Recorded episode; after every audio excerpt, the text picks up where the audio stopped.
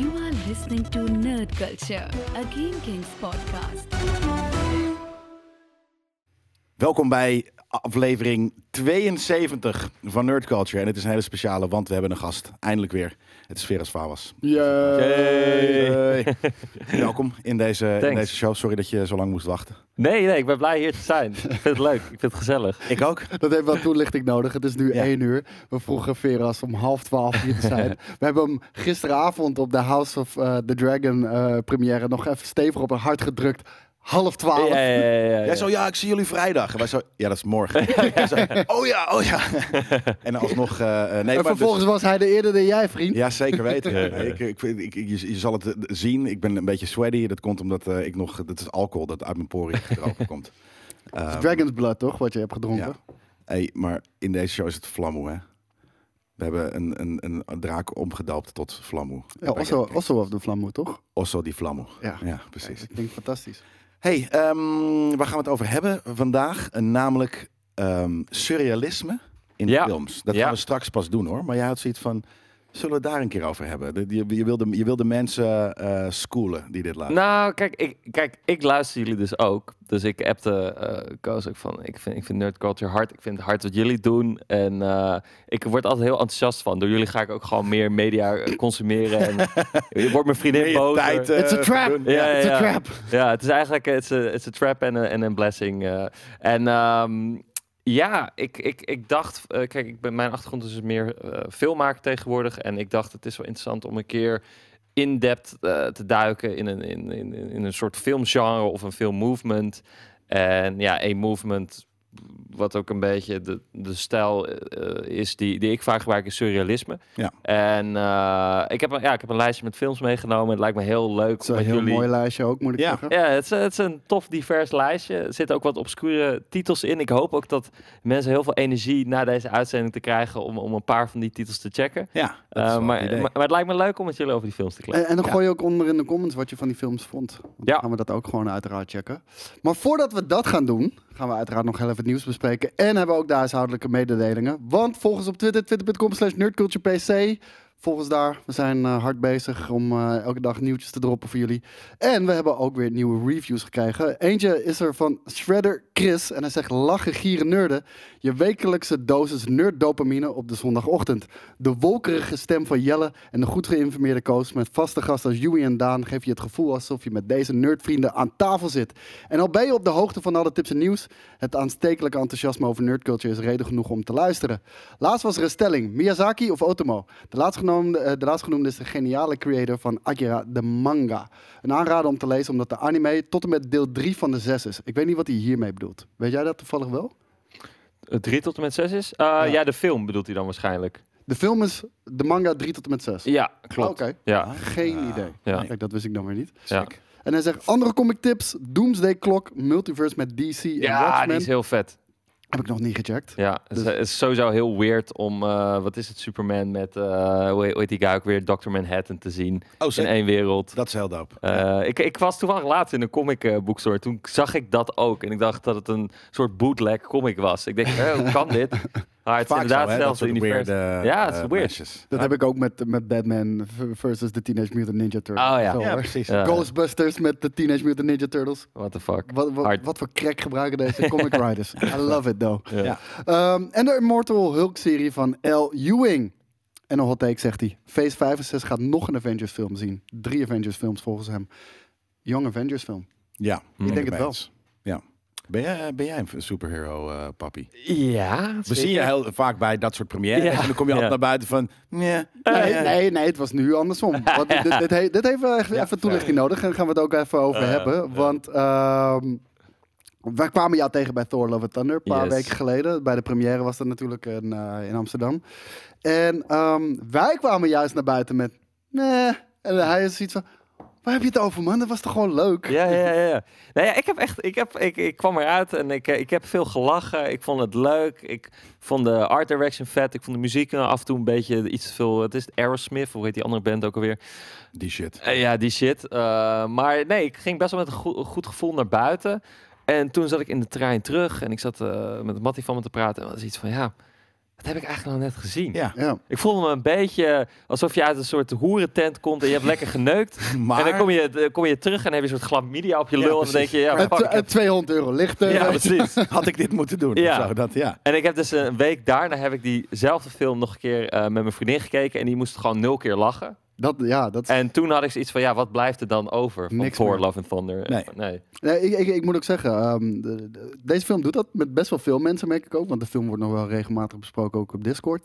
En gewoon hoe langer men over deze film nadenkt, en ik heb hetzelfde dat, van, van wat, de- hoe de fuck heeft dit kunnen gebeuren? Nou, dat heb ik je toen al verteld. Taika Waititi heeft gewoon een, wilde gewoon nog een Taika Waititi superhero fi- Ja. eh, Maar hij heeft echt alles maken. fout gedaan wat je fout kan doen. Want het, eh, het is gebaseerd op Thor, de, eh, eh, Thor The God of Thunder, de comicboekserie. Ja. Gruwelijke comicboekserie, die heb ik ook gelezen eh, gelijk na die film. En eh, ja, mega was die.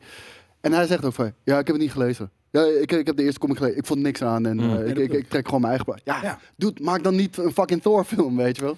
Ja, wa- wat je vaak ziet bij regisseurs is dat ze maar één verhaal echt goed kunnen vertellen of één stijltje goed kunnen doen. Ja. En Heeft naarmate die Ragnarok, weet Ja, ja. je, eh, Maar, maar dat was nog een soort balansding. En kijk, naarmate... Dat zie je eigenlijk heel ve- veel met regisseurs. Hoe meer films ze maken, hoe meer die stijl soort gedistilleerd wordt.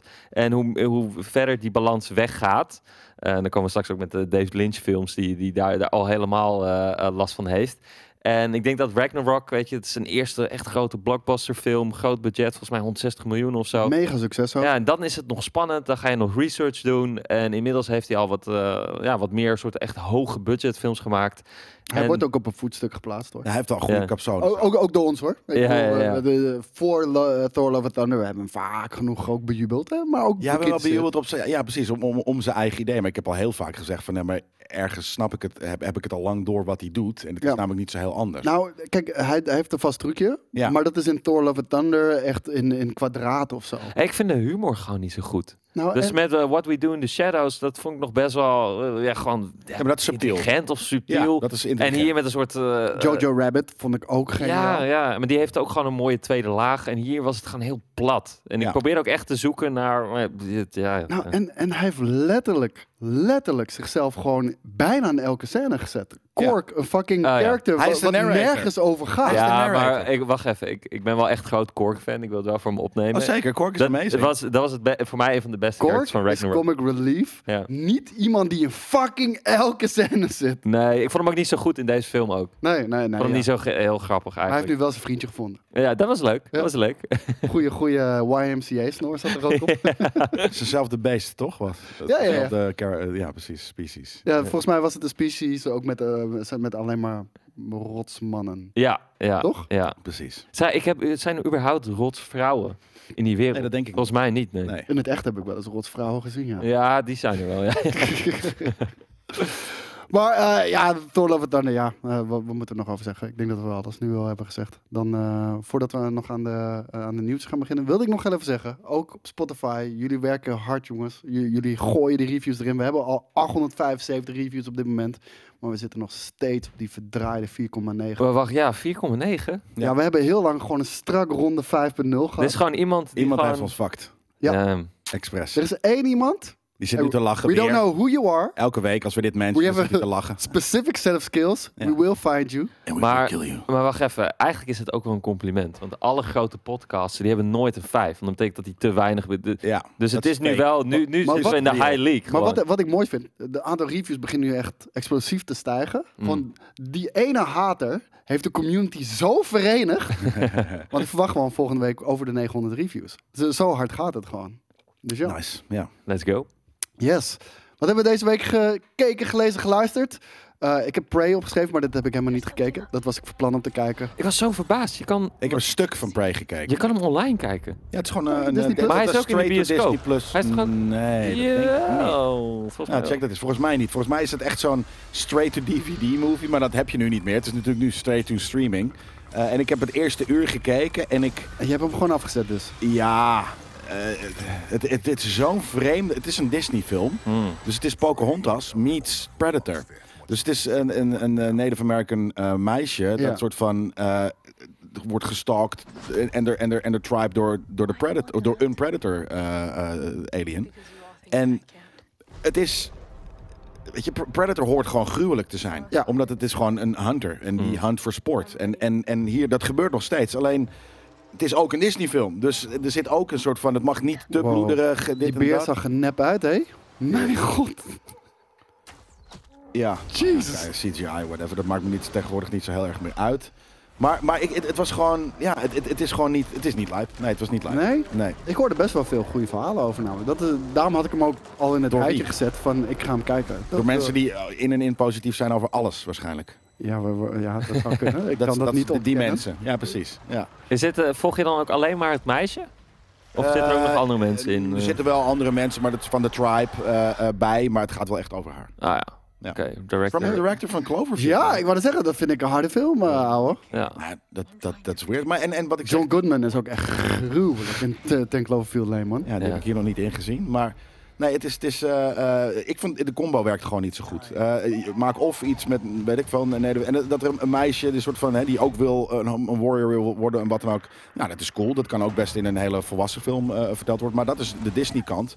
En omdat het Disney is, kan je dus ook niet hele gruwelijke. eh, Ja, dat, hoort je, dat hoort hierbij. Ik Ja. bedoel, eh, al vanaf de eerste Predator natuurlijk, die gruwelijke geskinde mensen die al ondersteboven aan de boom hangen, weet je wel. Kom op, Ja. dat, dat hoort er zeker in. En ik vind nog steeds een van de gruwelijkste dingen die ik in Predator ben tegengekomen, weet je wel. Op een gegeven moment dat hij in dat schip komt en dan zie je De alien. alien hoofd, Ja. skelet De hangen, weet je wel. xenomorph, En dan denk je, ja, dit is, Ja. dit- Ja. Dat, dat was een soort van eerste grote shared universe, à la elke film die dat nu doet tegenwoordig. En natuurlijk ook Nou, hoe meer, hoe beter, man. Ik vind het zo cool. Dat moet Ja? echt vaker. Mm. Ik zat laatst dus eh, A Million Days, Ways to Die in the West eh, te kijken van Seth MacFarlane. Ja. En die, eh, daar zit gewoon een, een full-on... eh, dan op een gegeven moment hoort hij... Back to the Future. Ja, komt hij binnen en dan, dan Ah. zie je gewoon Doc Emmett Brown aan die, aan die Ah, auto sleutelen. Fucking cool vind ik. Een hele bejaarde Ja. Doc Emmett Ja. Brown. Maar ja, dat soort dingen. Ik wil dat vaker. Ik vind het Ah, en tof. eh, Tarantino doet natuurlijk ook, maar dan heel subtiel Ja. met producten uit andere films en whatever. En Ook super tof. dat is. eh, ik heb dus eh, een idee, dus ik, ik heb best wel veel clips gemaakt en ik wil volgend jaar mijn eerste speelfilm maken en dat speelt zich af in een hotel. Een hele. Eh, je hebt ook al films gemaakt natuurlijk. Maar Ja, een hele, een lange, een 90 minuten. Ja. En ik wil dus elke kamer van het hotel wil ik eh, een artiest van een videoclip terug laten komen. Dus die woont daar ook precies Vet. in die kleding. En het is meer backdrop ding, maar ik vind Ja. het wel het idee. The Ferris Universe. Ja, toch? Ja, Ja, dat is ik, hou er wel van. Ja, Dus, man. want, dan, eh, want dan namelijk zijn ook, daardoor worden ook je videoclips weer nog toffer. Omdat ze inderdaad in een soort van shared universe of zo komen. En ik merk ook wel vaak dat ik toch dezelfde thema's en, de- en, en ja, weet je, een goede regisseur vertelt toch vaak stiekem de- hetzelfde verhaal in een ander Ja? jasje. Maar kijk, als er een rode draad in te vinden is, Ja. dan werkt het geweldig. Maar Ja, ja. ik zie ook, en daarom ben ik een beetje huiverig, tegenwoordig wordt het overal maar gedaan. Eh, ja, ook, al, ook al maakt het niet sens. En, en, en, en dan werkt het voor, voor mij gewoon niet. Ja. Dan ben je een beetje die, die suspension, suspension of disbelief. Dan, dan, dan Ja. zit je er, haal je er gewoon uit. Word je eruit. Nou, het is meer van, dit is niet een kunstenaar die deze beslissing heeft Mm. gemaakt. Dit is een marketingpapa. Ah, ja. Die, eh, weet je wel, shared universe, dat is tegenwoordig wat in is. Dus eh, nee, het moet ook een shared universe zijn. Nou, ik had het dus heel erg, om toch nog even wat ik van Marvel vind eh, erover te hebben. Ik had het dus heel erg met die, volgens mij die tweede of nee, die laatste Spider-Man film. Dat ik het gewoon niet hard vond dat Doctor Strange erin zat. No Dat way ik home. van, het Die had is voor mij geen toegevoegde waarde. Afgebroken in die film inderdaad. Ja. Van, hij was een hele toffe dude. Alleen in die film was hij gewoon een sukkeltje. En dat, dat, dat Maar ik zweer het je, dat, dat, dat heeft alles met, eh, met de pandemie te maken. Want, Mm. eh, want de Multiverse of Madness zou voor No Way Home eh Ah, uitkomen. ja. En ehm, ja, dus hebben die hele character arc moeten veranderen. En ze hebben het gewoon veranderd in poep. Ja. daar, Ja, kunnen we- ja, basically. daar, daar kunnen we Ja, wel, ja, ja, ja. wel eerlijk over zijn. Want inderdaad, Strange was altijd juist een beetje die serieuze noot binnen die eh, hele MCU shit. En Ja, beetje cocky, best Ja. wel gewoon een, weet je, een, een harde dude. En nu Ja, was ja. hij gewoon, hij werd de hele tijd gevoeld door iedereen. Ja. het is niet lijp. Nee. En, nou, en ook, ja, ik wou net zeggen, Spider-Man die hem lauwe shit laat doen. Ja. Ja. maar het is ook vooral, om- weet je, die film is al best wel bloated met characters. Dan had ik liever gezien dat ze nog iets meer tijd bij William nodig. Dafoe of whatever. Ja. Eh, want ja, je hebt een flow in een film en je hebt maar zoveel tijd om, om een soort iets dynamisch te doen. En dat ze dan daarvoor kiezen om in het begin dat zo erg te pushen. Ja, dat is, dat is jammer. Ja, maar dat is dus ook weer een, een voorbeeld van... eh, het had geen sens om hem daar erin te zetten. Dat had niet gehoeven. Nee. Inderdaad, misschien in het originele idee wel. Maar nu, met, met hoe alles is geschoven...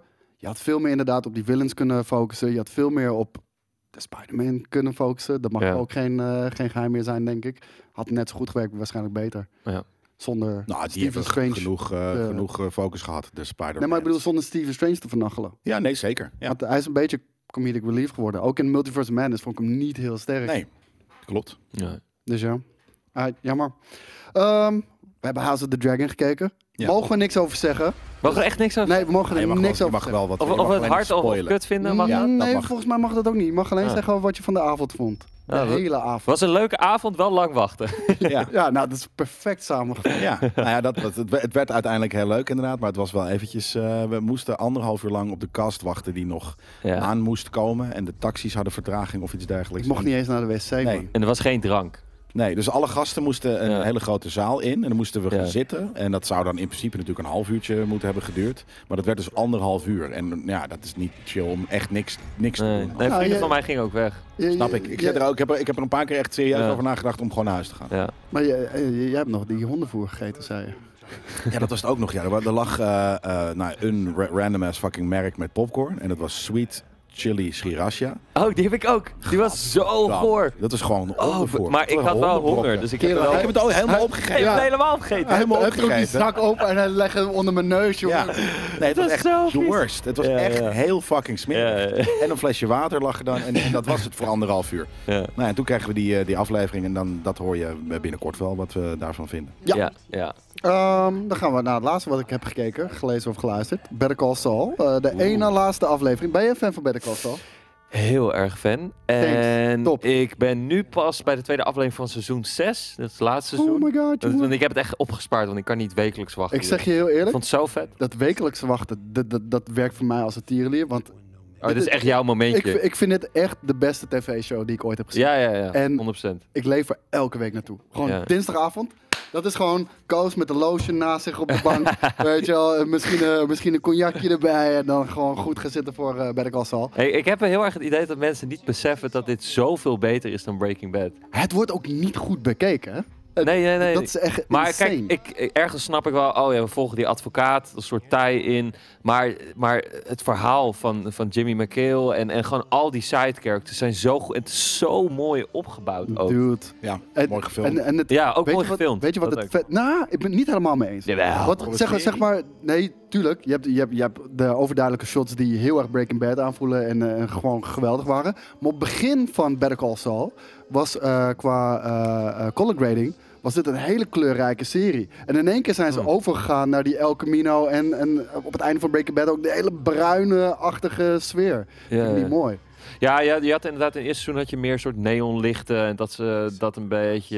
Ja, daar zijn ze wel van afgestapt. Ja, het is iets realistisch. Kijk, alles is bruin. ja. ja. Wat ook eh, Breaking Bad wel is. Hè? Dus ja, maar daarom, daar dus ik vond het cool dat ze dat niet deden Ja, bij. Better Call Saul. En uiteindelijk toch doen, weet je wel. ja, maar het past wel beter bij de serie. Ja, het past bij dat die klimaat ook. Weet je, dat broeierige LA. En ergens was die eerste seizoen ook iets meer nog grappig. En, en weet je, Jimmy McHale en zijn avonturen. En dat is ook wel nu een beetje geturnd. Nou, ik, ik, ik snap ook wel waarom het misschien niet heel goed bekeken is, ondanks dat ik het vetste show ever vind. Is gewoon de eerste drie seizoenen. Is, is niet voor iedereen. Het is gewoon taai. Het is ja, heel langzaam. Ja. En, ja, ik wou net zeggen, het is niet voor iedereen. Ik hou daarvan, maar het is niet voor iedereen. En ik denk dat op dat moment, bij seizoen 1 of 2, zijn gewoon zoveel mensen afgehaakt. Want iedereen was wel hyped as fuck. Maar uiteindelijk, deze shit is beter dan Breaking Bad. En sterker nog, Better Call Saul maakt Breaking Bad nog eens beter. Ja. En, en, en dat is echt heel knap. Het is wel een spoiler, eh, of niet? Eh, ja, Nee. want nu in dit seizoen komt het een beetje samen, toch? Nee, ik heb het, ik heb het gewoon over, kijk... ah, ehm, oké. Gewoon meer het universum wordt gewoon rijker en, en de characters Nou, worden meer uit... bepaalde characters. En eh, weet je, Ja. het is geen geheim dat Salamanca erin zit. De- Er is geen geheim dat Gustavo Fring erin zit. En al die karakters zijn zoveel beter gemaakt. En ook hun achtergrondverhaal. Ik vind die eh, Far Cry act- actor heel vet ook. Ja, pff, dude. Maar ik zie, wel, ik zie wel elke keer die Far Cry guy gewoon voor. Maar ik krijg anxiety van hem, man. Van, Ja, ja, ja. eh, Hij, hij, hij acteert fucking goed, maar Ja. de, de situatie waar hij in zit, dat, dat is niet oké, Het weet is je. Ja, en eh, ja, nee, maar echt deze serie. En, en vooral ook de, de- hoe eigenlijk die, eh, die relatie tussen Gustavo Fring en Hector Salamanca eindigt in Breaking Bad. Heeft nu zoveel meer lading gekregen dan, dan dat het al had in Breaking Bad. Ja. Geniaal. Ja. Dat is wat, wat ik er nog over wil zeggen. Heb jij nog iets gezien waar je het over wil hebben? Ehm, pff, ja, Better Call Saul ben ik dus nu aan het kijken. Even kijken. Eh, ja, ja dit is de beste tip ooit voor iedereen. Eh, want het is een, ik heb een, dus een nieuwe serie op HBO. En het is de beste serie die je met iedereen kan kijken. En het heet The Rehearsal. En het is van Nathan Fielder. Die kan je misschien kennen van eh Nathan For You. En deze guy Oh, is... dat. Hij is in mijn optiek een beetje het nieuwe Sacha Baron Cohen. Dus hij doet iets in een public space, maar wel in character. Waar ik heel erg fan van ben. Dat heb ik vroeger ook veel gedaan. En de rehearsal... Ja, jij hebt Sacha Baron Cohen Ja, een ik wou keer zeggen- geflipt. Ik, ik, ik, Dat je- ik jij dat interview, hem- dat is geniaal. Ja. Maar Ja, hij werd dat- ongemakkelijk op de manier waarop mensen ongemakkelijk werden van hem. Het was zo grappig dat Maar jij... volgens mij kon hij dat wel waarderen. Ja, dat denk ik ook. Ja, ja. Nee, het is zeker. eh, ja, dus ik heb ooit Sacha Baron Cohen geïnterviewd als Ali G. En ik, eh, het, het sikke was, eh, de, al die guys van Universal, die zaten de hele tijd achter van dit interview moet afgebroken worden, want dat het op een gegeven moment over besnijdenis en noem maar op. en. Jews versus Maar, maar, maar dat bedoel ik. Van, Ja. Hij zoekt zo erg die grens op en gaat er keihard overheen. ja. En dan toch productie wanneer... Nee, nee, waar- ze haten. Ik ben, sindsdien sta ik op de blacklist. Ik Nee, mag nee, gewoon niet meer de interviews Maar dat bedoel ik. Van, en, en, maar hun eigen productie durft dat niet te doen, weet je Nee. wel. Wanneer Maar- iemand anders de touwtjes in handen Het zeker was na dat interview ben ik eh, weggegaan en, en hij heeft een soort retreat plek, de actor. En dan zei ik van, eh, hey, het was wel een grap, maar eh, fan van je werk. En hij zei, ja, ja, dat had ik allemaal door. En hoe ga je dit monteren? En hij had helemaal al over een Ja, soort multicam dingen en zo. En eh, dus we hadden een heel goed gesprek en toen ging ik weg. En toen zei die vrouw ook van Universal in het Engels van, hey, de- je mag niet daarna nog naar een acteur gaan. En wat je hebt gedaan is allemaal illegaal en je komt op de blacklist. En eh, dit is the worst thing ever. Ook dat, maar dat mag niet? Nee, dat mag echt niet. Nee, nee, nee. Dus nadat je de, het interview heeft gehad, dan moet de actor kunnen retreaten, zeg maar. Ja, oké, snap ik. Maar Ja. weet ik, als je hem toevallig tegenkomt. Nee, nee, nee. Ik ben te hem echt of zo. erachteraan gerend om Oh, te zeggen, zo. het is een joke. Ah, oké. Ja, Ja. maar dat hoort toch ook wel een beetje bij de insteek van een interview dat je dat nog even doet. Eh, ja, vind ik wel. Ja. Maar eh, de rehearsal in een nutshell. eh, het gaat eigenlijk over, stel je voor, jij hebt een probleem. Je hebt een vriend en jij hebt te- tegen hem verteld dat je, dat je je master hebt gehad. Maar dat klopt niet. Dan schakel je de hulp in van Nathan, Nathan Fielder. En wat hij gaat doen is, hij gaat eh, die situatie, dat je het hem in het, in het echt vertelt, gaat hij ehm, Rehearsen. helemaal re- rehearsen. Ja, ja, ja. Dus hij kiest het café uit waar je normaal met hem afspreekt. Die bouwt hij helemaal na. Krankzinnig. Met allemaal acteurs die daar normaal ook zitten. Met dezelfde muziek. Met alle details klopt helemaal. Volgens ehm, eh, die, die tegenspeelster eh, gaat hij ook helemaal een, een actrice daarvoor vinden. En hij heeft letterlijk een flowchart met alle uitkomsten. ja, ja, ja. En het is zo over de top en overdreven. En echt ook uiteindelijk. En eh, Zie je ook de, de outcome? ja, ja, ja. Dus dat is allemaal met hidden camera gefilmd. Precies. Maar het is, het is echt insane. Want eh, hoeveel moeite hij doet om, om zoiets kleins eigenlijk heel groot Ja. te maken, is, eh, is heel bijzonder. En het is, het is echt fucking laars. Ik vind het de grappigste shit ooit. Leuk. Ja, sowieso staat het op, zei je? Eh, HBO. HBO. Oh, The HBO. Rehearsal. Ja, het zijn nu vier afleveringen. Het is echt, eh, het is echt iets nieuws ook. Heel verfrissend in, eh, in alles wat... Want het is gewoon tering veel media tegenwoordig. Ja. Veel te veel. en dit is al. echt iets wat ik nog nooit heb gezien. En gewoon geniaal. Klinkt cool. Uit gaan we het nieuws in, jongens. En het nieuws waarvan je al wist dat die eh, zou gaan komen. Disney Plus komt met een eh, fikse prijsverhoging eh, voor een eh, abonnementsvormen. En ehm, op dit moment, althans op het begin, sommige mensen betalen nog een beetje dat bedrag, maar daar stap je ook al vanaf. eh, was natuurlijk Disney Plus 6,99 euro in Nederland. Dat is sinds een paar maanden is dat opgehoogd naar 8,99 en nu gaat de prijs nog verder omhoog, want in Amerika gaat de prijs van 7,99 dollar naar 10,99 dollar. Dat is toch een eh, flinke prijsverhoging. En er komt een opsplitsing van de dienst, want we krijgen een, een Disney Plus Premium account. Waarbij je eh, eigenlijk, nu heb je al een premium account, waarbij je gewoon alles kan kijken zonder eh, reclame. En je krijgt er eentje met reclame. Reclame? Yep. Ja, maar, en dan betaal je en dan krijg je alsnog reclame? Dat Yep. kan echt niet in mijn Nee, maar wacht even. TV is dat toch ook in principe?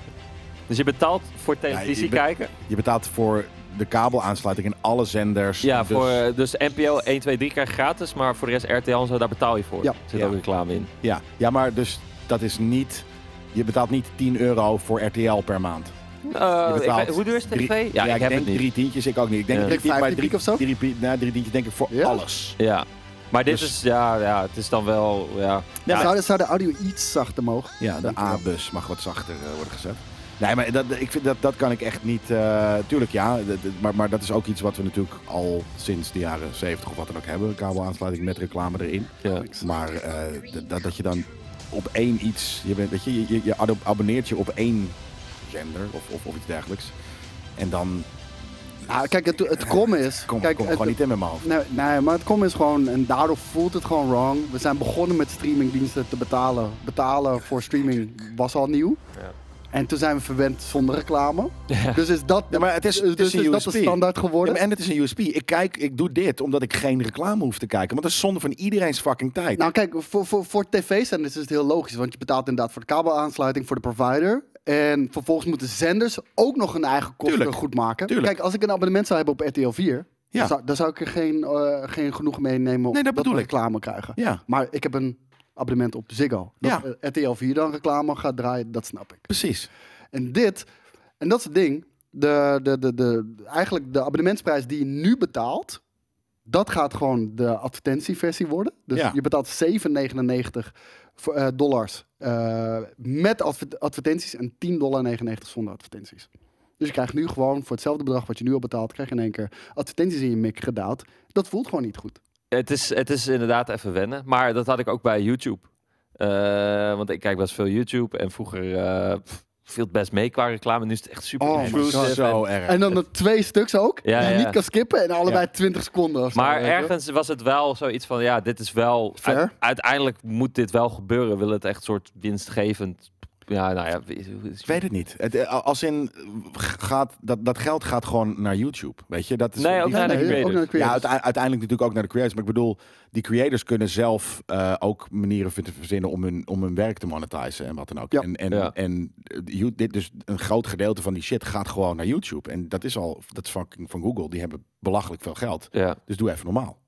Ja, maar kijk, mij, om nog even terug te komen bij Disney. Kijk, ik, mijn probleem met Disney is een beetje dat ze dit denk ik nu nog te vroeg doen. Want ze hebben net iets te weinig content eh, om echt soort van te kunnen zeggen van ja, oké, we gaan nu een paar euro omhoog. Nou, oprecht. Ja, ook zo. W- Wanneer Kijk, je, kijk wanneer, wat, wat is de output? wanneer je in 2020 begint met 6,99, dan is 10,99 en 22 is wel heel steep hoor.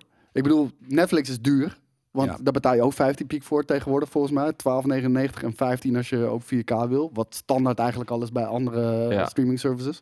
Ja, het gaat gewoon duurder en duurder. Wisten we al. Hadden we ook al gezegd natuurlijk. Amazon Prime Video gaat, gaat hetzelfde doen natuurlijk. Ja, dat moet wel. Dat is 3 euro, toch? Ja, 3 euro. het slaat nergens op. Net als HBO Max is ook 3, 4. Ja, dat gaat allemaal omhoog. Ja, dat moet wel. En, eh, Wat ik niet per se erg vind, er zit wel een limiet aan. Want ik vind inderdaad Netflix eigenlijk te duur. Ik vind een tientje een aardig bedrag voor iets wat je soort van toch wel eh, dagelijks misschien aan, aanslingert. Dat is fijn. Ja. Maar niet met reclame. Maar je hebt geen tv, toch? Nee. Dus dit is eigenlijk jouw vervanging voor tv. Want als je voor je betaalt drie tientjes voor tv, dan heb je nu inderdaad Disney Plus, Ja. eh, Netflix. Nou ja, dan kom je ook Nee, ongeveer. Maar ik zal je ook heel eerlijk zeggen, de enige reden waarom ik tv heb, je kan het bij Ziggo kan je bijna niet loskrijgen. Weet je, als je Ja. internet los gaat, eh, gaat bestellen, scheelt je misschien 5 euro. Ja. Bij Ziggo, ja. Ja. Ja, dan kan je net zo goed tv erbij nemen, weet je wel. Ja. Maar dan neem je wat anders dan Ziggo. Dan, dan, dan kabel of zo. Ja, KPN eh, vind ik de kwaliteit gewoon niet goed genoeg. En voor de rest hebben wij volgens mij geen andere opties. Ah, dus het is volgens mij KPN en eh Ziggo. That's Oké. it. Sick. En, en van die gare derde rangs. Ja, ja, ja. Fucking shit. Tele 2 TV of zo, weet je wel. Ja. No fucking way. Ehm, en HBO Max trouwens, daar hadden we het net ook over. Ehm, die komt al, ook al heel vlot terug op een, eh, op een belofte. Want ehm, kijk, HBO Max is hier nog vrij nieuw. In Amerika is dat niet zo. Maar zij hadden die belofte natuurlijk eh, gemaakt. Volgens mij was het sinds corona, weet ik niet helemaal zeker. Van eh, wanneer een film in de bioscoop komt, 45 dagen later staat hij op HBO Max. Die belofte is ook hier gemaakt bij de lancering van HBO Max. En die wordt nu al losgelaten. Dat vind ik wel, dat vind ik wel heel snel. Want eh, Elvis komt niet eh, na 45 dagen in. eh heel op, Ah, dat, op zich is dat wel oké. Dat is echt een hele slechte film namelijk. eh. service. Ja, maar het gaat om principe. hè? Ja. ja, het is echt heel kut. Nee, maar, eh, nee, maar je ziet ook toch tegenwoordig nu dat bioscoopfilms en thank God het gewoon beter dan ooit doen. Ja, zeker. Ook met Warner Bros. eh, die, die nieuwe strategie. De, zij, ja, het gaat gewoon heel goed met de, met de, met de bioscoop eh, bezoeken en alles. Dus ik, ik, ja, aan de andere kant, ik snap dat het inderdaad niet zo snel gebeurt. Ja, Maar vind je ook dat het goed gaat met de bioscopen? Wat, qua bezoekersaantallen wel. Ik moet zeggen, qua films. I don't know, ja, het ligt man. een beetje aan wat je consumeert. Want eh, kijk, qua arthouse vind ik altijd zitten best wel echt wel veel leuke dingen in. Eh, ik heb ook een patépas en daar is het wel echt heel taai af en toe eh, qua kwaliteit. Ja, maar het is allemaal bijna, t- bijna, en dat zeggen mensen over Marvel, dat snap ik volledig hoor. Eh, het is allemaal hetzelfde. Weet je? Ja, ja maar, daar, maar dat moet je dus zoeken in de arthouse. Ja, Maar ja. dat vind ik wel eh, sick. Ik wil geen reclame maken voor Pathé, maar tegenwoordig heb je bij, eh, in Amsterdam bij uh, Tuschinski en City, doen, doen zij nu ook gewoon eh, arthouse films. Oké. En die balans is gewoon heel nice. Ik denk ook dat dat zoek ik ook in mijn media. Maar dat, dat heb je ook wel nodig, want ik, zou, ik zou nu geen bioscooppas kunnen hebben. Gewoon simpelweg, ja, de meeste, meeste films boeien me gewoon echt nee, op precies. dit moment helemaal nee, dat niet. snap ik. Nee, ja. Klopt.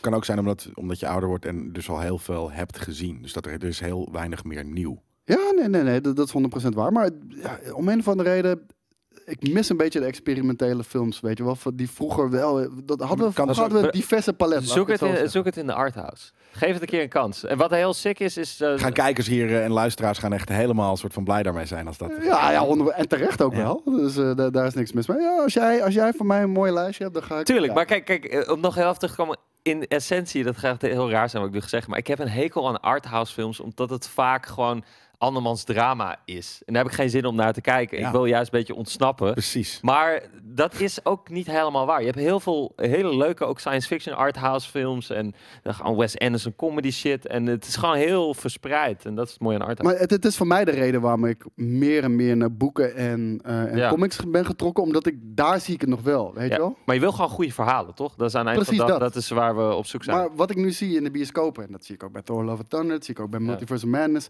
Het is zoiets van, we kunnen niet te veel risico nemen. Nee, Weet precies. je wel, van, Ja. ja, in, de, in de comics hele lijpe shit gebeurt er. En dan krijg je de, de, de filmversie ervan. En dan is het zoiets, het moet iedereen kunnen satisfyen. Ja. En Ja, ja, niemand ja. mag fucking teleurgesteld Ja, worden. daarom moet je gewoon, eh, we moeten gaan even een A24-lijstje maken voor Koos. Daar zit wel echt veel goede shit tussen. En ook eh, gewoon Daar best hebben we wel wel veel van, veel van wel gezien hoor. En hebben het ook wel. A24 is wel echt. Is, is, ja, dat is wel art. Het is wel arthouse. Maar- jij- Jelle is ook wel een arthouse fan.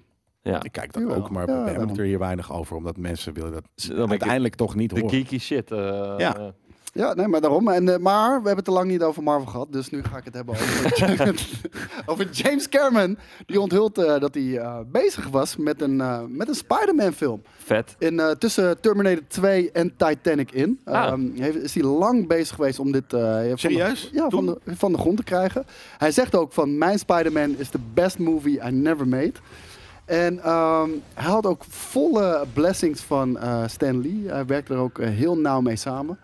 En eh, hij zei ook van, ik, ik wilde een wat meer gritty versie van Spider-Man neerzetten. Nou, besef, Sam Raimi Spider-Man was er nog helemaal niet. Dus eh, ik- we hebben alleen die hele fucking whack-ass jaren 70 Spider-Man en de, de Japanse Spider-Man hebben we gezien eh, in Mm. pyjama's en zo. Grappig dus wel dat, dat uiteindelijk altijd eh, regisseurs wat dan ook iets gritty's willen maken met superheroes. Ja. Ja, maar Uiteindelijk wordt het het bijna nooit, maar Nee. nou, Ja, maar op het moment dat het wel lukt, vind ik het tof gedaan. Matt Reeves, de Batman vind ik cool. Nolan's trilogy vind ik cool. Eh, Joker vind ik cool. Snyder Cut is, ja. Maar het is ook, als je dan teruggaat naar de jaren 70, 80 en 90, dan, ja, dan, dan heb je als regisseur, dan sla je het boekje open, heb je allemaal kleurrijke plaatjes Ja, precies. in de spandex dingen. En dan denk je ook, ja, nee, niet dit. hoe ga ik dit omtoveren naar wel iets wat hard is, zeg Ja. maar. Eh, Dus, dus ik snap het wel dat dat toen en nu, maar ook met CGI en alles, kunnen we het wel echt vet maken. Ja, ja, Toen ja. was dat wel echt nog meer een uitdaging. Nou, maar, eh, en dat vond ik juist altijd zo mooi, de oplossingen waarmee ze altijd komen. Ja. Vooral in dat tijdperk.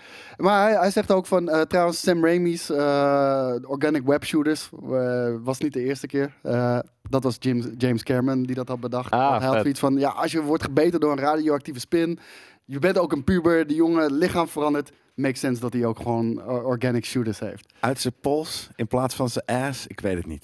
het blijft gek. Je had hem liever uit zijn ass gezien. Nou ja, dat is ik dat denk, wat ik denk dat dit een goede fucking compromis is geweest. Ja, uit zijn pols. Ja, nee, fair, maar alsnog, het is een soort van, dat is niet de spot. En, en, en wat hij er ook nog bij zei, van, hij wilde hem echt in, ehm, in, in, in, in een gritty stijl, maar wel in de realiteit gegrond. Zoals, eh, zegt hij ook, eh, Aliens, dat was bijvoorbeeld, ja, dat is niet in de realiteit, maar toch, ja, ja. Ja, Mhm. hoe moet je dat uitleggen? Geloofwaardige surreali- surrealiteit, laat ik het zo zeggen. is dat surrealiteit? Is dat surrealisme? Ja, het bestaat niet. Ik bedoel, het- is ergens op in een fucking galaxy far away, en, maar het voelt wel geloofwaardig. Ja, oké. Ja. Ja, Met fair. fucking greedy corporations en, en noem het allemaal maar op. En, en hoe ze daar komen. Dat zij helemaal niet een alien willen, willen vernietigen. Maar dat ze die gewoon willen, willen vangen natuurlijk. Ehm, dus dat. En hij heeft er hard voor gepusht. Het kwam, eh, het kwam er niet van de, van de grond. En ehm, hij, hij wilde greedy, maar niet zoals Gotham City ook was gemaakt. Zoals Tim Burton. eh, Want dat voelde ook weer heel sprookjesachtig. Het kwam niet van de grond. Hij bleef bij, push, eh, bij Fox pushen om de Spider-Man IP binnen te halen. Fox wilde geen eh, gezeik hebben met Sony, want die had een beetje een vreemde claim op Spider-Man. Dat was nog niet helemaal een kan en kruiken. Ze wilden niet dat risico aan. James Cameron heeft toen nog gezegd: jongens, dit is 10 miljard fucking waard. En in de jaren 90 is dat nog veel meer geld dan 10 miljard nu. Ja. En eh, ze hebben het niet gedaan. En Sony is ermee eh vandoor gegaan. En Waarom ja, heeft James, James Cameron niet met Sony dan een, voor Sony een film ik denk dat hij gewoon een deal had met Fox natuurlijk. Ja. Ja. Ja, ja. Dus, ja, eh, want Alien is toch ook Fox, volgens mij? Ja. Ja, ja, ja. ja, sowieso. Ja, ik, ik, dit is jammer, maar wat echt jammer is, is dat die Nicolas Cage film eh, Oh my god, Superman. De Superman, eh, ja, Nicolas ja, Cage ja, film. Van Tim Ja. Burton ook, hè? Dat zou Oh, was wel echt... Tim eh, Burton ja, versie? ja, dat was Tim Burton. Ik had, Dat is de beste film die nooit gemaakt is. eh, in, oprecht, weet je, ik hou echt van, van de Burton-verse, om het zo maar een beetje te noemen. Want zijn shit voelt gewoon sprookjesachtig aan. En Ja. dat, dat vind ik zo fucking Voor- vet gedaan. Gothic tienermeisjes. Ja, maar, ja, en voor mij kennelijk. Dus je bent stiekem ook een Gothic tienermeisje. Dat geef ik royaal toe. Dat, dat is echt geen enkel probleem. Nee, maar ik, ik vind gewoon de bad guys hoe... Ja, ik weet niet. Het, het is, het is kinderlijk enerzijds. En, en, Het is ook wel heel eng of zo. Ik vind het ook wel... Ik, vind ik, die, ik was echt bang voor de pinguïn vroeger. Ja, toch? Ja, ja, ja. die heeft me ook op, goed opgefokt. Ja. ja.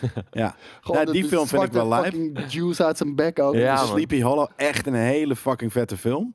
Maar ik vind heel veel van zijn films echt vreselijk. Dat, ik snap eh, dat ook wel. Eh, wat wil je van Edward Scissorhands? Vond ik ook wel leuk. Ja. Maar, dat trucje wel- heeft natuurlijk later. maar ik vond de, de, de eerste... Maar daarom, het is ook heel, precies wat jij net zei ook. Soort van elke regisseur vertelt het Ja. hetzelfde. Misschien zijn dit allemaal net even andere verhalen. Maar dat trucje, Ja. dat ook als je nu nieuwe, weet je, zijn nieuwe ehm, animatieachtige dingen. Het blijft in de basis ergens gewoon Edward Scissorhandy. Ja, zeker. En, en dan heb ik zoiets van, ja, het bestaat al lang. Ja, ja. Het Nee, ik vind het nu ook heel kut. ja, Ik en dan de vind- hele tijd Johnny, Johnny Depp die nog, nog Ja, ja, ja. wordt en wat dan ook. Ja, Ja. doe even normaal, joh. Ja, ja, ja. Nee, compleet door. Doe even normaal, man.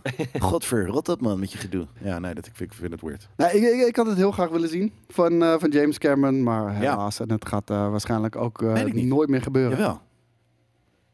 Dat is de, er wordt, eh, Dat is bladblazer. Ja, precies. Er wordt even geblad, blaast buiten de deur. Nee, maar ik, ik, ik- waarom zou die niet nog een keer een Spider-Man film kunnen maken? Ik, ik zie dat wel gebeuren. Ik zie het niet gebeuren. Hij is wel druk, hè, nu met die Avatar films. eh, ja, hij moet er nog, hij er nog twaalf maken. Ja, precies. Ja, Dat gaat wel, er wordt Dat ook... de rest van zijn leven en, en de rest van de andere helft van zijn leven zit hij in een duikboot. En toch, vind ik, toch vind ik dat jammer. Want ik heb heel veel Kilometer. respect voor James Cameron. En, Ik ook. en weet je, en Avatar is natuurlijk commercieel een gigantisch succes. Ik vind het jammer als dat... Het voelt een beetje als Avatar nu zijn levenswerk aan het worden is. Ja, Ja, vind ik dat is gewoon jammer. jammer. Dat is wel een smet op zijn carrière. Ja, vind ik, Ja, vind ik wij, wij, wij, wij- je zit hier dus in een podcast Ja. die eh, altijd zegt dat alleen mensen die aan Avatar gewerkt hebben, Avatar tof vinden. Nee, de Eh, beste, De beste, ever vinden. weet je, de Sixth of ja, we gaan, weet je. En dan, dit is alleen dat team zelf wil dat Ik, maken, eh, ik blijkbaar. vind Avatar ook niet zo hard. Ik heb Nee, het echt... eh, de eerste keer dat ik het zag, dacht ik, Het is oh, het is wel echt mooi. Ja, het is in fijn. de bios. Ik heb het in de maar bios in het, 3D ook gezien. het was amazing, verhaal maar- is ook gewoon best wel kut Ja, maar eigenlijk. het is super domme Ja. hippie shit. Ja. Nou ja, maar het, het, het, het- om een of andere reden, Avatar voelt voor mij niet als een liefdeswerk. Het voelt niet als een kunstwerk. Het voelt Nee. letterlijk als een, wij moeten een groot universum Een poppenkast. neerzetten. En we Ja. checken elke fucking eh, variabel checken we af wat, Ja. wat in de Wat, wat ik wel heel cool vind, hij heeft nu ook zijn acteurs weer volgens mij 10 minuten onder water gehouden, James Cameron. En dat, daar was hij echt soort notorious eh voor bij de. Abyss. Ja, zonder zuurstof. Wat, bij 10 minuten kan toch niet? Nee, je, je kan het dus trainen.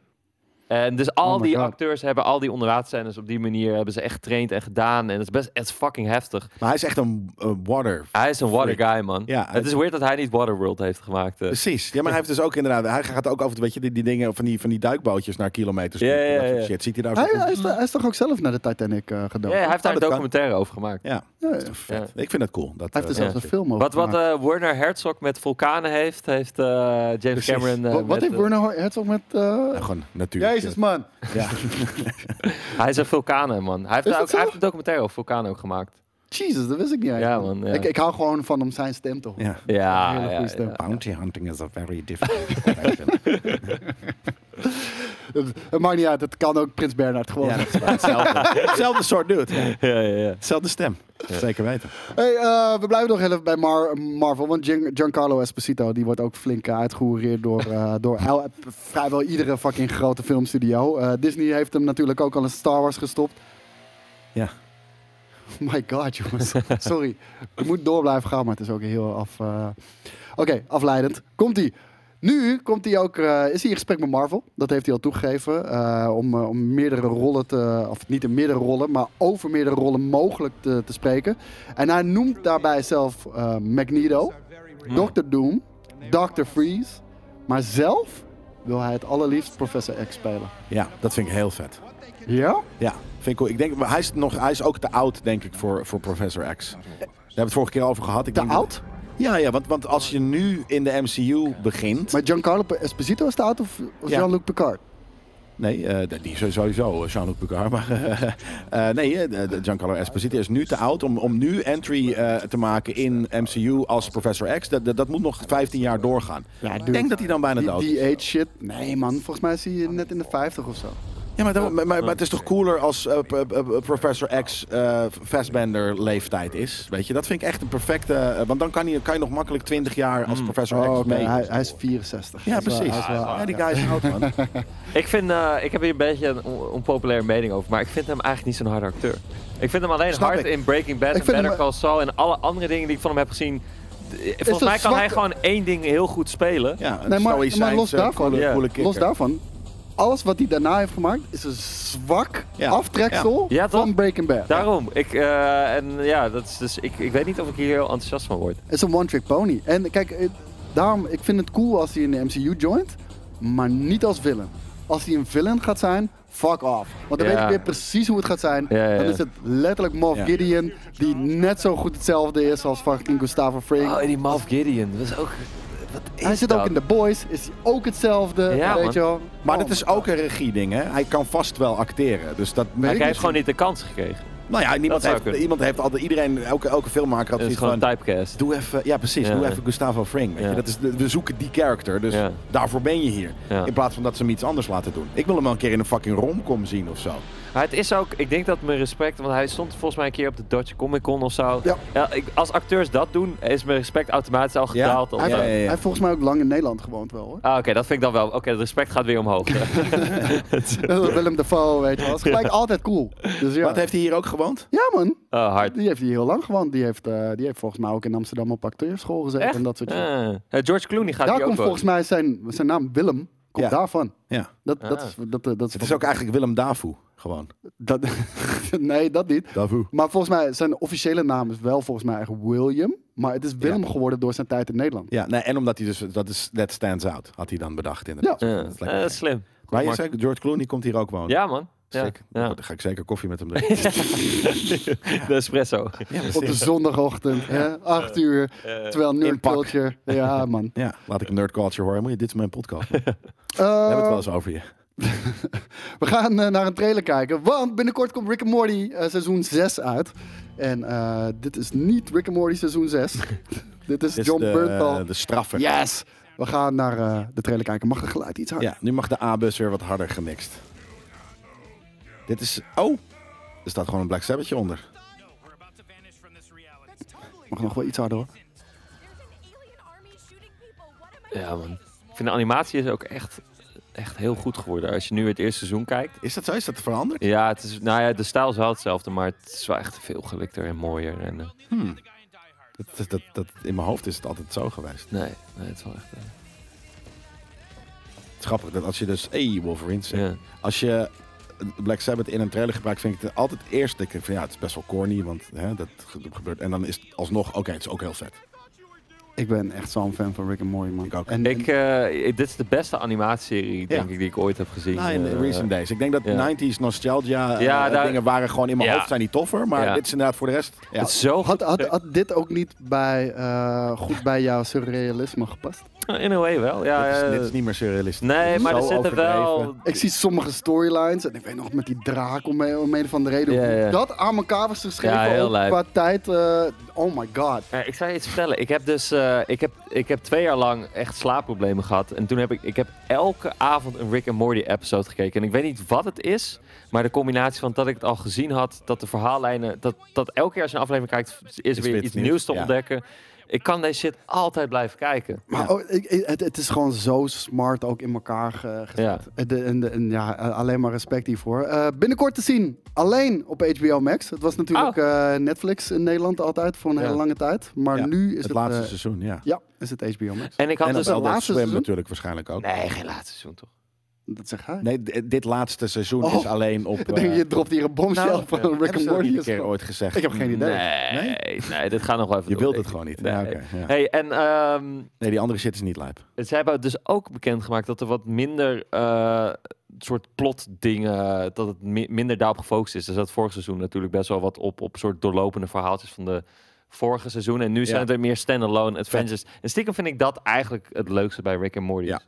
Ja, is het ook. Juist, eh, weet je, elke, elke aflevering een, een nieuw universe, raar ding. Wat Ja, en af en toe is het wel vet dat, dat die universum is nu best wel rijk dat de characters terugkomen. Maar ik zou het niet hard vinden als net als bij South Park dat dan een heel seizoen gaat over één ding. Nee, nee, nee, Nee. zeker. Kijk, ik, ik Ik hou vond een beetje seizoen van ook de... niet heel sick. Nee. Nee, heel veel mensen Ook niet. Maar dat hebben ze zelf ook toegegeven. En, eh, er was waren- ook iemand overleden volgens mij. Die, Ja, Ja, eh, en ze daar- waren gewoon, ze waren natuurlijk eventjes on een soort van eh, fame trip. Dus toen hebben ze, ze waren ook bezig met heel veel andere dingen. Ja, Solar Opposites. Ja, dat, dat. vind ik ook heel eh, best wel Ja. Ja, vond ik leuk. helemaal niet leuk. Oh, Nee? vond ik wel The leuk. Wall, man. Kijk alleen The Wall. The Wall? Ja. Ik- Dus je hebt episodes die speelt zich af binnen een muur en dan heb je een eigen wereld en een soort Game of Thrones. En dat is het hardste aan Solar Opposites. Eigenlijk de, de, het andere verhaalding wat erin zit. Maar kijk, eh, ik ben ook van, het moet niet één seizoen over één ding gaan. Ja. Nee. Ik, ik hou van de anthology-stijl een beetje. Inderdaad, voor elke episode staat op zichzelf. En dan reset. Maar, nee, ja, maar dat ze toch wel, door al die anthology-episodes, dat ze toch nog wel een beetje aan elkaar Ja, ja, zeker, zeker. En, en dat vind ik gewoon heel vet gedaan Ja. altijd. Ja. Gaan we door naar, naar Breaking Bad, eh, Vince Gilligan. Want ehm, hij lijkt een beetje te struggelen met, eh, met spin-offs en wat hij nu met de Breaking Bad-universum moet doen. We hebben natuurlijk eh, de eerste spin-off gezien, El Camino. Eh, wat vond je daarvan? Ik vond het niet zo goed. Ik ook niet. Nee, het was gewoon Het was niet, eh, onnodig het was onnodig. Ik, ik, vond, eh, ik, ja, ik vond eigenlijk Deze alles een beetje afbreuk, vond ik. Ja, Ja. er zat één heel hard shot in van bovenaf. Dat is me bijgebleven aan die, aan die film. hoor.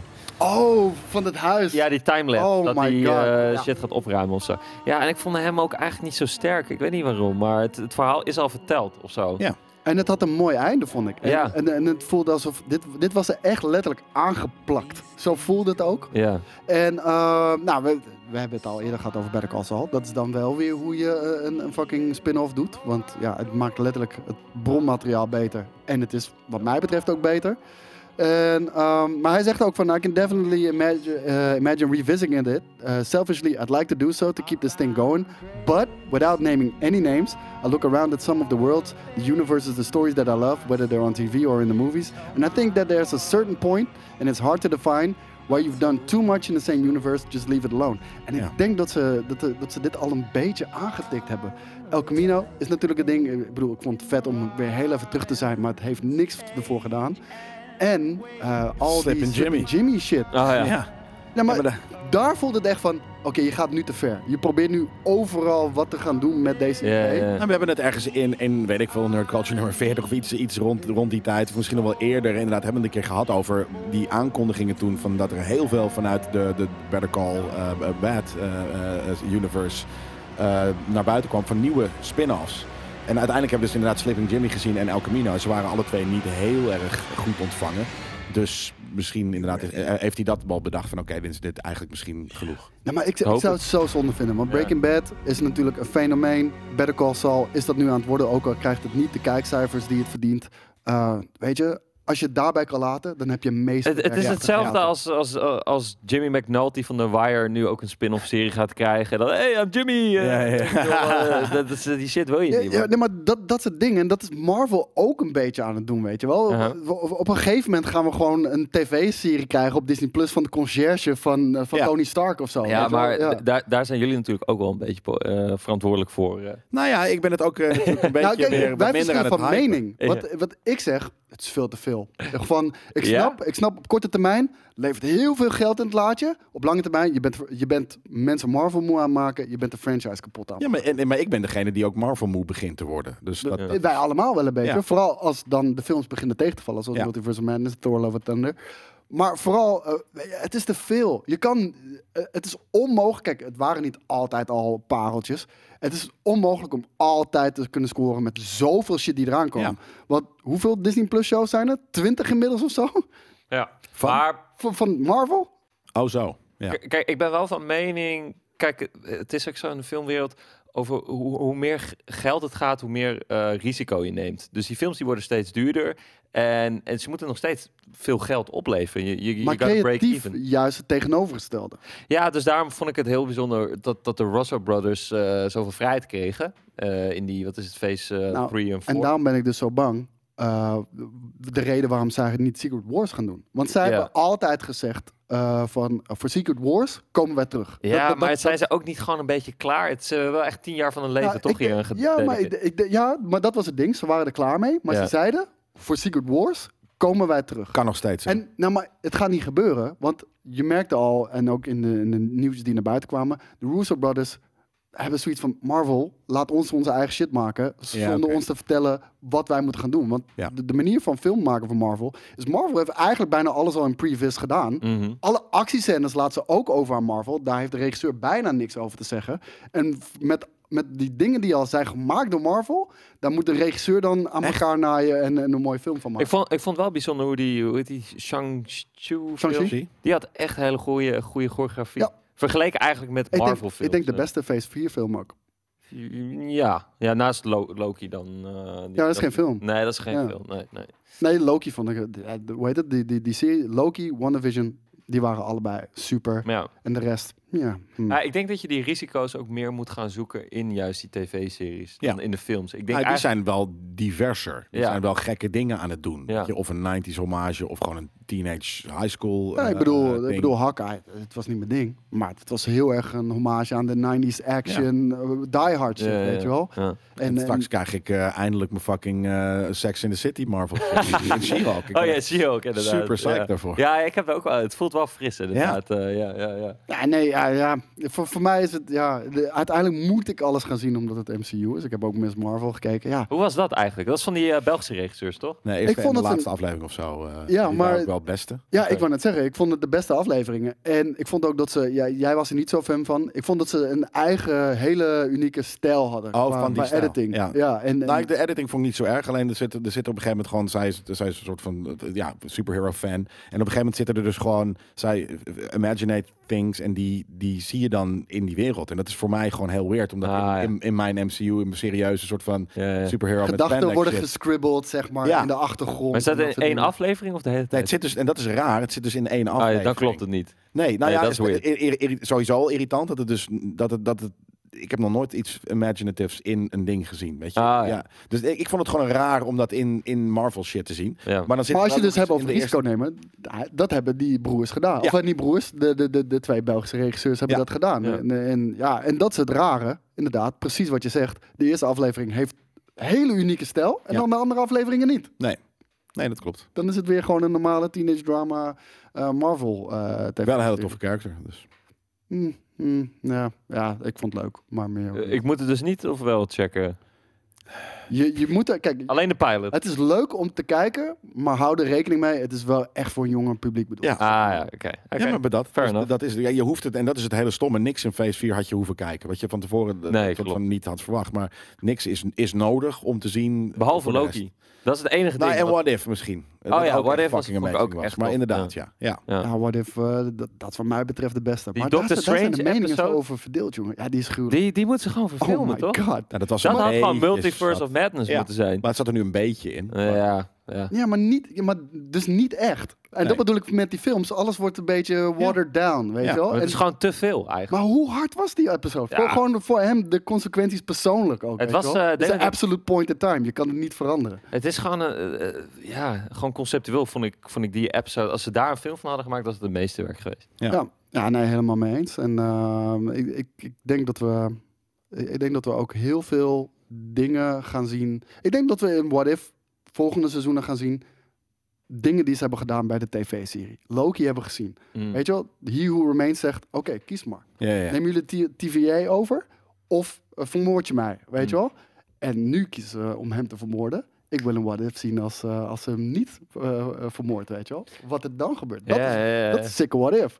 Is dat dan ook zijn er ook comics van? Of is het idee al is het gewoon geïntroduceerd in een animatieserie? of Nee, nee, nee. De, de, de, de What If is al heel oud. Oh, Ja, oké. ja, ja. Oké, vet. En, en ja, en, en daar, ik hou van creativiteit. En, Ja, ja. en dat is gewoon balls to the wall. Maar doe maar gewoon gek. Het is toch een enkel verhaal. Ja, en, supertof. eh, Ja, ik wou net zeggen, de- de- je, hoeft niet, je hoeft je geen zorgen te maken over de consequenties voor de MCU, want die zijn er niet. Het is een Maar ik, de- ik wil nog wel een bold statement hier aan tafel brengen. Ik Nee, dat denk mag dus... niet. De, dat mag niet. Ik ga het toch doen. Dat doen we hier niet. Ik denk dat de consequenties van de MCU, dat is het probleem misschien ook wel van de MCU. Dat juist omdat het nu zo groot en die, die Veel te convoluted. Je wil eigenlijk, wil je gewoon vette verhalen zien, toch? Maar we, Ja. willen we echt elke keer al die characters, want dan wordt het gewoon een soort niet helemaal gedistilleerd en komt die essentie niet goed eruit. Nou, en de- dat, dat is mijn mening. Ja. Eh, Voor mij, niet elke fucking film of serie hoeft iets met de MCU te maken Nee, te hebben. Dus ik ben al blij hoe Moon Knight dat bijvoorbeeld aanpakte. Heel veel mensen waren teleurgesteld. Ja, ik zie bijna, Ja, ik- geen, eh, ja, ik zie bijna geen banden met de MCU in Moon Knight. Ja. Ik zo, ja, top. Ja. Weet je wel, gewoon, laat ze gewoon hun eigen ding doen. En volledig scheid hebben aan wat er in de MCU gebeurt. Terwijl het kan wel goed. En ik bedoel, ik vond Civil War, dus dat vind ik een van de beste soort van al die superheroes die bij elkaar komen. Maar dat is eigenlijk dus ook. Je hebt gewoon niet heel veel characters. En het wordt nu steeds groter en mensen verwachten steeds meer. En dan Mensen heb hoeven je, niet allemaal samen in één film. Maar het is Nee. nu juist de hele tijd, je hebt er zoveel. ja. Waarom zie ik er maar één? Ja, maar we moeten, Ja, ook, dat snap ik niet. We moeten Ja. ook heel eerlijk zijn. Phase 3 was gewoon steen fucking goed. Weet ik je denk wel. dat Je gaat Civil War denk ik was volgens mij eind 2 juist. Maar in ieder geval, de 2, 3 was, was gewoon live. Eh, in ieder geval de opbouw van, van Winter Soldier naar Civil War, die de fucking eh, Avengers opsplitsen en dan samenkomen tegen Thanos. Eigenlijk, weer. als ik jullie zo hoor, zijn jullie voornamelijk fan gewoon van alles van wat de Russell Brothers heeft gemaakt in het MCU. Ja, ja, ja. En de rest is gewoon niet zo heel goed. Nee, nee, maar, maar dus inderdaad, heel veel van die superhero Ja, movies zijn inderdaad in a way Ja. niet heel goed. Behalve dat het wat extra lore toevoegt aan iets dat je Ja. tof vindt. Ja. En dat is wat ik dus mis in Phase 4. Ik vind het niet erg dat sommige films niet zo goed zijn. Ja. Alleen, er wordt niks nieuws meer aan mij geïntroduceerd qua lore. Ja, een multiverse Nee, ding, maar dat had ik in What het If is- en het Loki is al niet, gezien. Het is niet ontoevallig dat, eh, dat de regisseurs die, eh, die Het is niet ontoevallig. Ja, niet geheel ontoevallig, laat ik het zo zeggen. Maar hoe heet het? eh, dat dat de, de, de regisseurs die juist de creatieve vrijheid eisten eh, en ook hebben gekregen, de beste films hebben gemaakt. Ja, Ja, of weg zijn gegaan. Of weg zijn gegaan, ja. Ja, ja. Daarom, en ze zijn nu gewoon weggegaan. Ik bedoel, gewoon vriendelijk zijn ze uit elkaar gegaan. Ja. Dat, dat is wat er Maar het lijkt me ook heel moeilijk om een film te maken voor Marvel. In deze structuur, inderdaad, in die werkwijze. En, mij dus eh, niet. Nee? Ik ben zo'n soort van, voor, voor, voor de corniness, dat soort van, ik, ik zou alleen maar hero shots, de, de hele film slow motion, dat je vijf gasten op een rij, soort van iets Ja, maar, vet ziet maar dat is gewoon wat Zack Snyder basically doet, toch? Eh, Slow-mo shots. en, Ja, oké, eh, maar, maar hij doet het dan weer in, in, Justice League weer niet heel veel of zo. Daar mis Ja. ik weer hero, daar mis ik de Mm, corny. ik, ik zie zoveel fucking shots en dan denk ik echt van, dit komt... Nee, en ik vind het hard. Dit komt rechtstreeks, hard, dit komt rechtstreeks uit de comic book panel. Het is Ja, bijna oké. gewoon Ja, maar artwork, dat. weet je wel? Ja, maar dat is toch. En, en ik moet wel zeggen, in, in Thor gebeurt het af en toe wel eens dat je die afstandsshots, dat je hem echt door de lucht ziet vliegen of met lightning. Ja, of maar wat die had hij gekopieerd, Dat. man. Dat Ja, is dat ook al in Ragnarok. Ja, oké, dus dat heeft hij van zichzelf Ja. gekopieerd. Maar ik bedoel, dat zijn de shots waarom ik naar superhero shit kijk. Dat Ja. hij op een gegeven moment soort Ja. van zonder Mjolnir uh, op een gegeven moment, weet je, de, de God of Thunder was in een soort van met, met Led Zeppelin, eh, Led Zeppelin, eh, de, de- weet je, gewoon een soort van superhero landing deed met alleen maar lightning. Dat is waarom ik fucking superhero Maar- kijk. maar- Balls to the wall, amazing. Ik denk dat eigenlijk het grootste probleem is misschien dan nu met de MCU.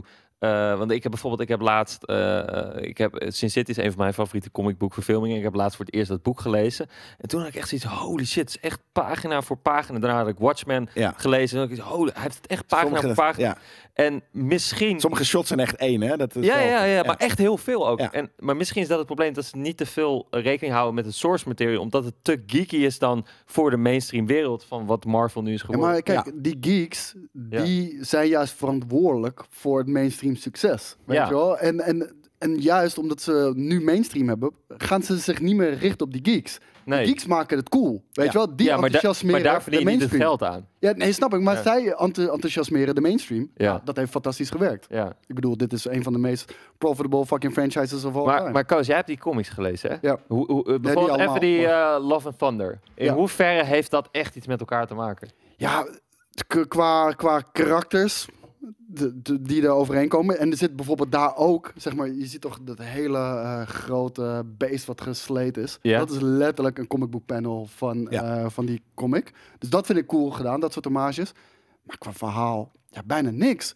En het Weet verhaal je- is goed, toch? Zeg maar de, de, hoe- waar Gore vandaan komt en zijn motivatie, dat komt enigszins overeen. Ja. Maar voor de rest niet. En ik vind het gewoon zo bijzonder teleurstellend. Dat, dan heb je zo'n fucking talent als Christian Bale. En je doet niks met zijn karakter. Nee, maar en, het- en heel het- eerlijk, zijn karakter was niet een one-movie character. Ik denk dus dat het, want het is dus wel gefilmd. Er zijn heel veel scènes uitgehaald met, Ja. met hem ook. ja, nou, dat Dus is ik denk, schandalig. ik denk, ja, ja en, en, en zijn argument was dan ja, de flow van de film, wat heel belangrijk ook is.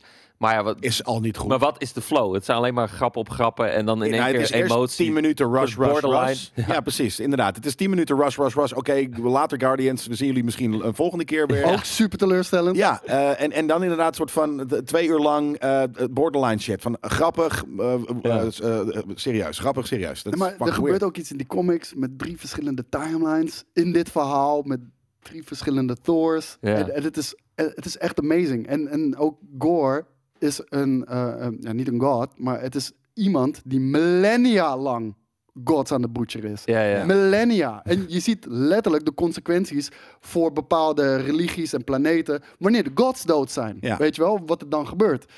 Zit niet in de film. En de film lijkt net alsof hij een weekje een butcher Ja. is. Ja, ja, klopt. Weet En die gods zijn allemaal sukkels, wat ergens dan wel weer grappig Dat is. was leuk. maar- Dat vond ik eigenlijk het leukste aan de film. eh, Ja. Dat al die Griekse goden als een soort Ja, eh, eigenlijk is dat orgie. Maar ja, ja ik, ben- eh, het is gewoon echt een kutfilm. Ja, hoe lang je erover nadenkt, hoe dommer die Maar dat wordt. zei ik Ja. toch? Ik ben alleen maar boos hier. Ja, ja, ja. Ja, dat hebben wij ook. Je Nice. bent helemaal op je plek hier. Nice. Ik, ik, ik ga even snel door het nieuws, want eh, we zijn al een uur bezig en we hebben nog steeds niet over surrealisme in films gehad. Dus eh, ik ga nog heel even zeggen, Finch Gilligan, die pitchte ooit een, eh, een GTA-stijl Breaking Bad game. Ehm, hij, hij had geen enkele ervaring met, eh, met eh, games maken, maar waar we het al eerder over hadden, hij zit te struggelen met hoe kan ik dit universum verder uitbouwen.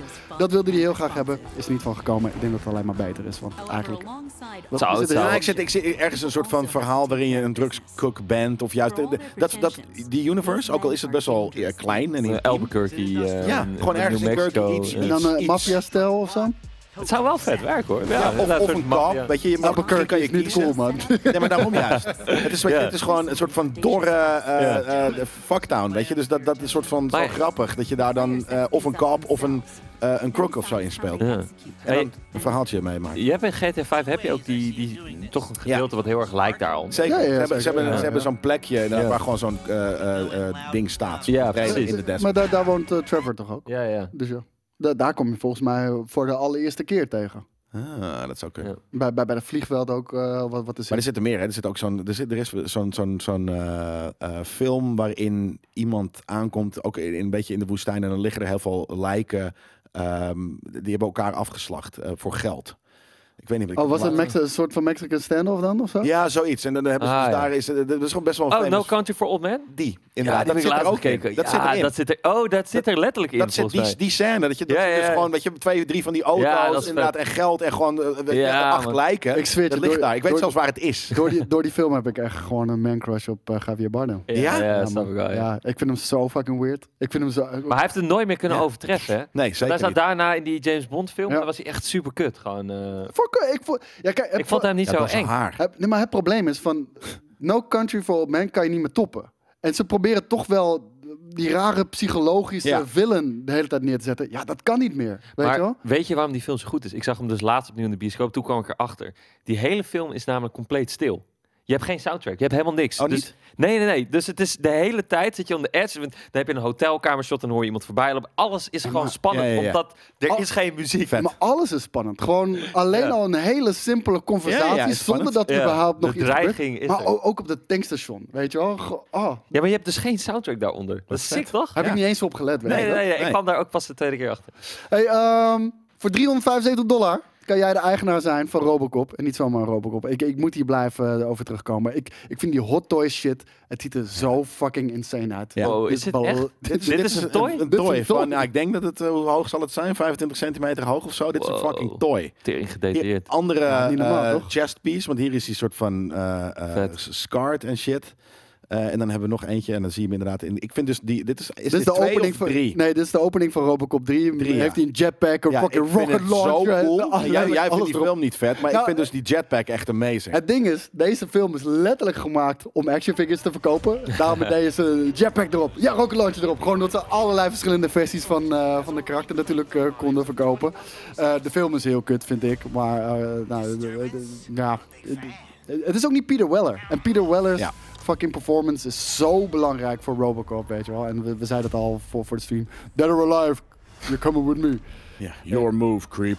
Ja, Maar het is. ik Amazing. vind- we kijken nu even naar beelden van de, van De de, Robocop game eh, game, die ja. eraan zitten komen, volgens mij. En eh, we hebben het er volgens mij ook heel vaak over. Maar ik vind dus die, die, die armor, gewoon de, de, het design van de robot, vind ik zo fucking Ja. ongeëvenaard Je hebt het ook vet. nooit meer daarna gezien. Het is ook heel weird Nou, inderdaad. het, het ding is, we hebben natuurlijk de, de reboot Kijk gehad nou. van, van, van de Robocop met, ehm, hoe heet die guy ook weer? Oh ja, van, eh, Die van, die, van die, de Killing eh, serie of zo. Nou, we weten allemaal wie Ja. we bedoelen. Joel Kinnaman. Ja. En ehm, weet je, daar hebben ze gewoon deze armor gemoderniseerd. En het ziet er niet uit. Nee. En ze hebben nog iets ergers gedaan. Ze hebben hem Tactical Black gemaakt. Ja. Want in de film zit ook in ieder geval die zilver-zwarte versie.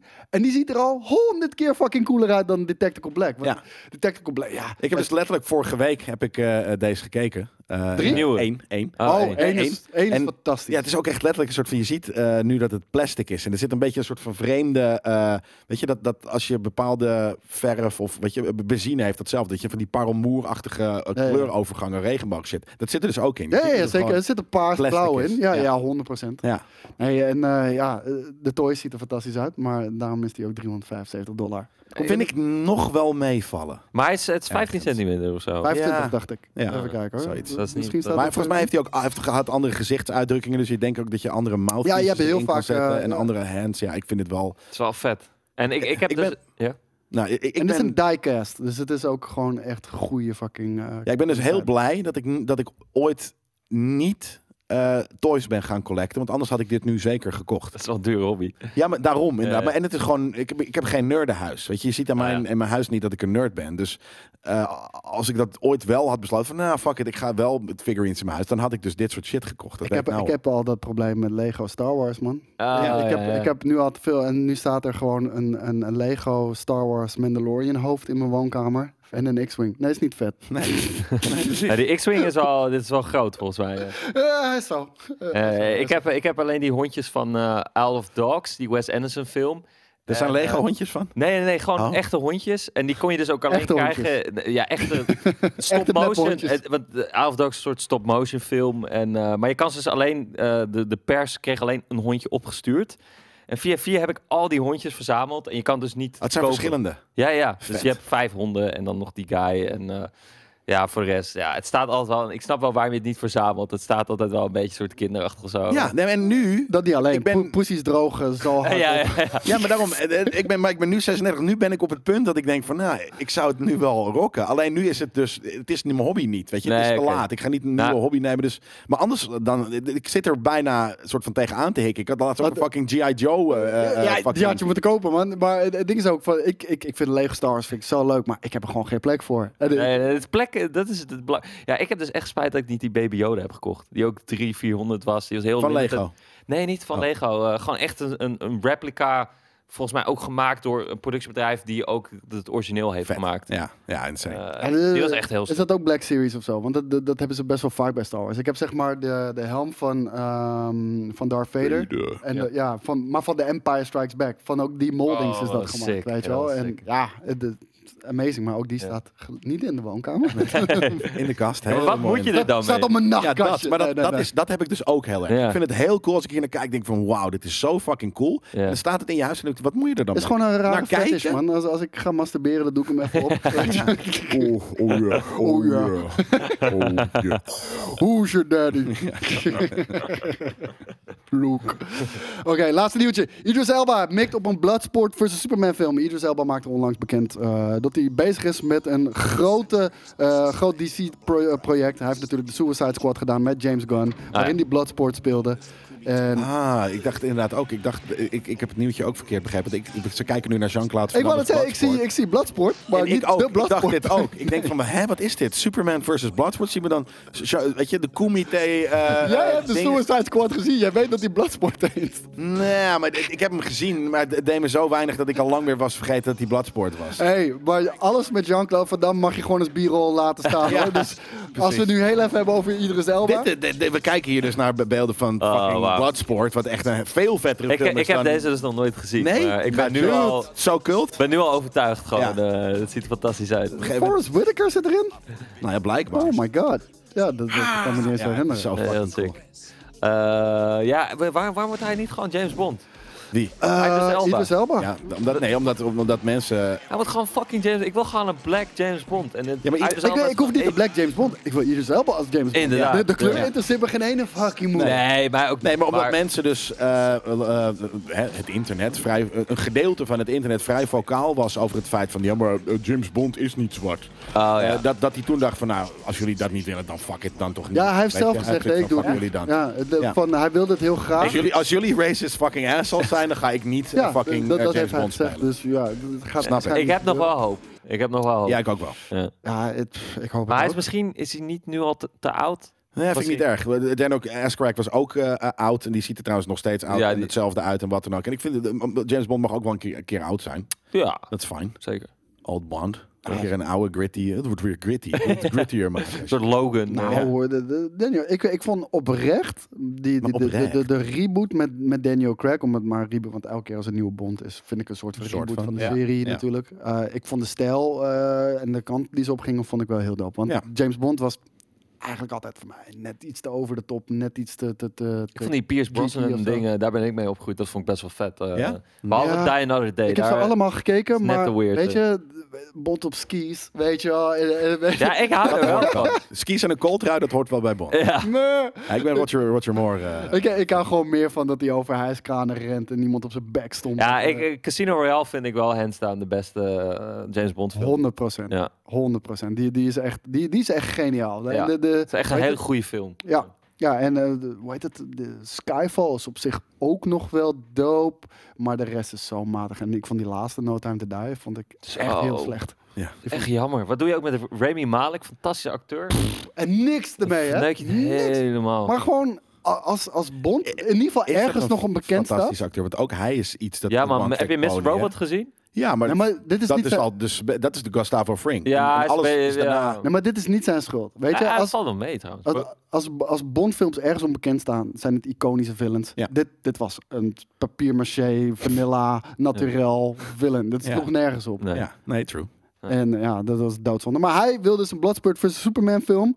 En eh, hij is niet de enige, want ehm, Black Adam, onze, eh, hoe heet hij? Dwayne The Rock Dwayne Johnson. Johnson natuurlijk. Die wil ook een, eh, een, een bout tegen Superman. Ik denk dat Bloodsport en, eh, en Black Adam misschien maar eerst tegen elkaar gaan moeten. En degene die, eh, die daarvan wint, die mag het opnemen tegen Superman. Zal waarschijnlijk niet Henry Cavill zijn, want volgens geruchten wil hij geen Superman meer spelen. Waarom? Geen idee. Hij heeft Misschien omdat ze het andere kut hebben gedaan met zijn karakter. dingen. Ik Ja, weet het niet. maar het is meer dat Bloodsport is een assassin met een pistool. Ja, en hij, hij zit natuurlijk in de Suicide Squad, zit hij al in de gevangenis, omdat hij eh, Superman heeft geprobeerd te vermoorden Ja. met een Oh ja, kryptonite bullet. bullet. Maar, Ja. maar oké, een Kryptonite bullet is dan... Maar alsnog, jongens, je kan niet... Als een fucking... eh, Oké, ja, assassin met een gun kan je niet Tegen super. super. Ja, maar heb je ooit eh, Dark Knight Returns eh, gezien? Die ani- animatiefilm of comic? Dat is ook eh, Batman tegen Superman. Er zijn wel ways to, Ja, to nee, kill dat zijn Superman. er, zeker. Ja. Maar ik snap wat je bedoelt. misschien inderdaad. weet je, met als fucking re- unlimited resources en geld en Ja. wat dan ook. Maar fucking een assassin in een rood pak. Lex Luthor heeft ook altijd een manier gevonden. Dus. Maar in ieder geval, ehm, ik, vind, ik vind dat het voor het karakter Bloodsport in, in de huidige DC-universe veel te hoog gegrepen is. ja, tuurlijk. Doe even normaal iedereen. Ja, ja, sure. Ja, ik, ik snap dat hij het wil hoor, dus eh, geen enkel probleem. Alright, zijn we nu aangekomen bij surrealisme in films. Want jij wilde daar met ons over praten en eh, je bracht een prachtig lijstje. Ik zal het niet opnoemen, ik denk dat we er gewoon Ja, doorheen ja gaan nee, zitten het, wandelen. het zitten, zitten een aantal cl- classic films in, een aantal hele vage films waarvan ik hoop dat jullie die nog niet hebben gezien. Dat kan ik over vertellen. Ik, ik heb denk ik de helft niet gezien. Of een kwart Ah, niet ja. gezien. En jij? Ik denk ook in de helft. Oké, perfect. Ja. perfect. Ja, nee, ik, eh, ik, ik dacht het is wel leuk inderdaad om een keer in een film te duiken. En kijk, mijn achtergrond en mijn stijl, ik, ik- en wat ik uiteindelijk ook wil gaan maken, neigt ook meer naar het surrealisme toe. Kan je uitleggen wat surrealisme in, in films, of eigenlijk dus in, in kunst, dus meer wat, wat het ongeveer is? Ja, voor mij, eh, dus zeg maar, als, je, als ik het soort heel letterlijk vertel, is het een, een movement die eh, in 1920 is gestart door een aantal Franse kunstenaars. En eh, die wouden gewoon heel graag, die waren echt helemaal klaar met de maatschappij. En die wouden juist het, het, het onderbewustzijn eh eh, capture. Dus ze wouden kunst maken wat heel free-flowing was. Zoals bijvoorbeeld een droom, waar je, niet, eh, waar je meer op een gevoel, zonder al die barrières van de maatschappij en wat wel en niet mag, dat je dat helemaal loslaat. En alles wat daaruit komt, dat is een beetje. Ja, het zit tussen de realiteit en, eh, en het onderbewustzijn in, zeg maar. Dus je herkent het. Ja, en tegelijkertijd Maar is het het een twist. wringt. Het is Ja, dus wat heel, wat heel vaak gebeurt is dat je, eh, dus, eh, ook op de schilderijen van, van Dali, dan, dan heb je een object zoals een telefoon met een, met een garnaal erop of zo. Dat het net weird is, zeg maar. ja, precies. dus het, Twee dingen die je kent, maar de die niet bij elkaar gek. passen. Maar tegelijkertijd brengt het wel een gevoel naar boven en daarin zit, zit een soort van de kunst, het ongrijpbare. het gesmolten klok. Ik, ik vind conventies kunnen loslaten, daar hou ik van. Ja, Om- om- omdat het vaak als heel risicovol wordt gezien. En ehm, ik, ik, ik vind dat daar juist de creativiteit vandaan komt. Want weet je, we hebben inmiddels al zoveel fucking films gehad. Zoveel verhalen kennen we allemaal. Wil je nog een unieke insteek hebben, dan moet je conventies gaan loslaten. Ja, alleen het gevaar daarin is wel, eh, en die films zijn ook heel veel gemaakt. Kijk, zodra je als kijker niet meer begrijpt waar je naar kijkt, dan kan het op een gegeven moment gewoon echt tergend worden. Ik, ik, Ja, denk, ik denk dat kan. het bij eh, het lijstje wat je hier eh, hebt neerge- neergezet, bij een aantal films, is dat ook letterlijk gebeurd op het moment dat ze uitkwamen. En pas jaren later Ja. eh, heeft het de erkenning gekregen die het, eh, die het verdient. Ja, ik. ja, ja. Dus, en ik vind ook, ja, echt precies wat je zegt, weet je, eh, verhalen.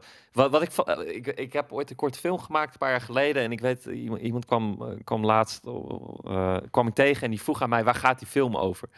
En, en toen had ik zoiets van, nou ja, kijk, ik heb een gedachte met als ik een, een film maak en, eh, en, ik, en ik kon hem dat letterlijk vertellen, maar dat vind ik eigenlijk niet zo interessant. En dat is een, ik weet, het is een beetje een kop-out om te zeggen, de film gaat over wat jij eruit haalt. Ja. Maar tegelijkertijd, als ik kijk naar, eh, als consument naar mijn favoriete films, zoals Donnie Darko en noem maar op, daarin is, is uiteindelijk een hele duidelijke lore geschreven. En je hebt bijvoorbeeld eh, bij Donnie Darko in dit specifieke geval, heb je een director's cut en daarin kom je echt letterlijk te weten waar die film over gaat. Ja. En heb je de, de theatrical release. En daarin moet je als kijker gewoon zelf dingen gaan invullen. En dat vind ik zelf het interessantst. En dat maakt voor mij ook iets tijdloos. Dat je er echt nog lang over kan lullen en zelf Nou, dingen in moet vullen. Je, je kan er heel lang over praten. Want Ja. je kan er ook bijna over filosoferen. En, Ja. en dat, dat is het mooie daarvan. En precies wat je zegt van bepaalde media zie ik echt als kunst. Film kan dat ook zijn.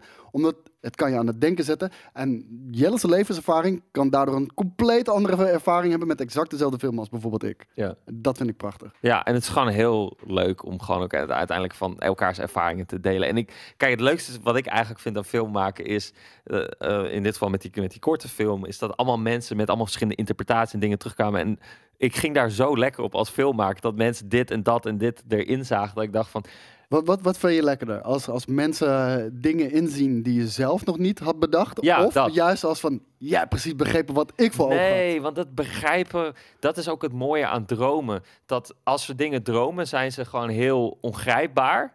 Eh, maar tegelijkertijd, als we dromen, is het, klopt het. En dan word je wakker en dan ga je het letterlijk uitschrijven. Dus ik, eh, ik hield ook heel lang een dromenboek bij me. En dan begreep ik het niet meer. Ik zei, "Hè, waar- mijn droom slaat nergens op. Maar in, toen ik het droomde, Ja. was het Is totaal het logisch. super logisch. O- ook Mijn is dromen iets- zijn altijd surrealistisch, denk ik. Want ze zijn altijd best wel gegrond. Ik denk van, oké, maar dit, is, dit had in het echt ook wel kunnen gebeuren. Ja, Nou, ik, ik snap wel wat hij zegt. Want ik, heb inderdaad ook zo vaak met dromen... dat, dat je denkt van, dit is de, de meest bizarre fucking shit. En dan- dat is super logisch. En het Ja. voelt heel vertrouwd. En dan, Weet dan, je, en dan ga je, ga, word je wakker en dan probeer je het uit te leggen. En dan, Ja, dan dat. kom je er niet meer uit. Ik heb Nee. dus, eh, ik, ik, ik, eh, soms dan heb ik wel eens van die spurs dat ik droom en dan inderdaad dan onthoud ik ze wat meer dan normaal. Weet je, iedereen droomt natuurlijk altijd, maar ik onthoud niet vaak. Behalve dat ik vorige week ergens een keer een droom had en die is voor voor nerd culture wel toepasselijk. Eh, ik liep ergens en ehm, hoe, hoe leg je dat uit? Er wa ik, ik keek naar de grond en daar liep een tijgertje, gewoon een kle- heel klein tijgertje, Maar die had de vorm van een AT-AT. dus die had hele lange, zwierige Maar- beentjes. maar- liep maar het dat soort van het- heel langzaam. Maar, maar dit is wat hij bedoelt volgens mij.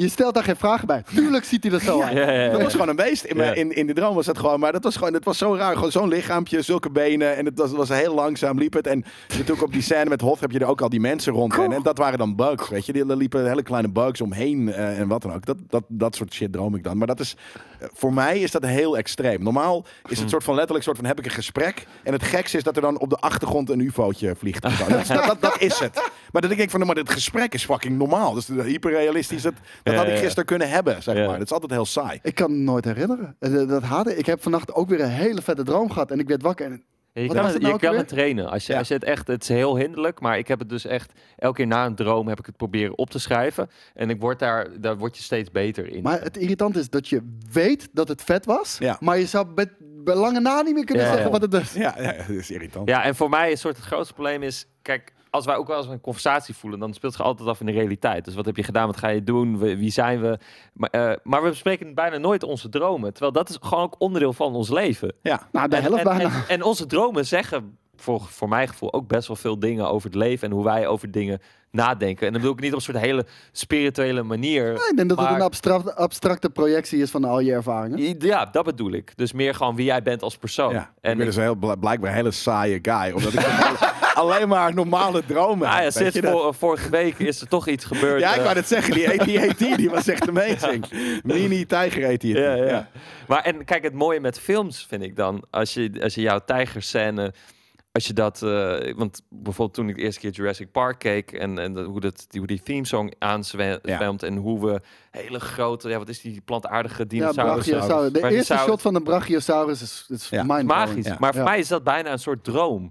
Eh, omdat het vertelt niet per se een narratief, maar het legt het gevoel uit van Ja. deze wezens. En, en dat vind ik het mooie aan surrealisme. Dat het zit niet op het letterlijke, eh, op het realistische, maar meer op ook vaak gewoon op een gevoel en een belevenis. Ja, En maar ik denk, kan je wel ik denk als je mensen vraagt naar Jurassic Park, dan krijg je 9 die van de scène. 10 keer die scène. Ja. En, en tu- tu- tu- Ja, en de, soundtrack natuurlijk. Hey, wat is de vaandeldrager van, van surrealistische films? Als je een soort van, ja, maar dat, dat is, dat, dat, dat, that's, die is het. Als je dan één moet noemen die Ah ja, soort van, ja, gewoon Hè, het genre. Want het is natuurlijk een heel, het is, het is een genre dat niet, ehm, je kan in dat genre heel veel variëren natuurlijk. ja, heel veel. Ja, want Ehm, het is ook eigenlijk, het is geen genre. Het, is Nee. meer, het zit meer in films. Zo zie ik het. Maar Ja, je precies, hebt wel... ehm, ja, kijk, dus in 1929 kwam een van de eerste eh, surrealistische films van El Salvador. Of heet die, hoe heet die guy? Salvador, Salvador, eh, Salvador Dali. Dali. Ja, Salvador Dali.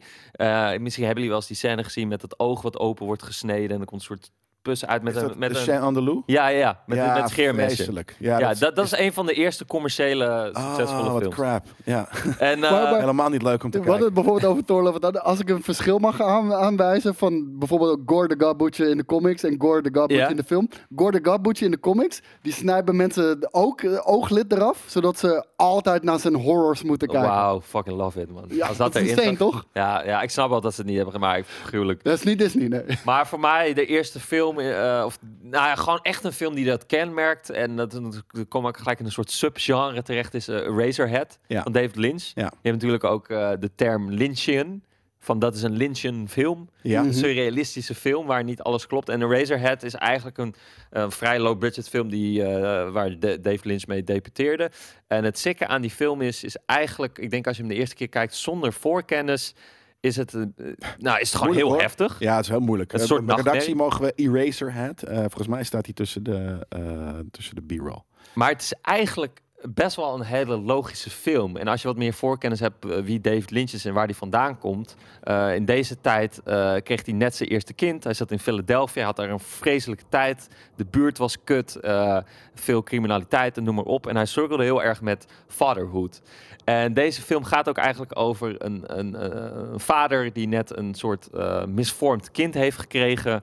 En hij twijfelt erover of hij dat kind gaat vermoorden.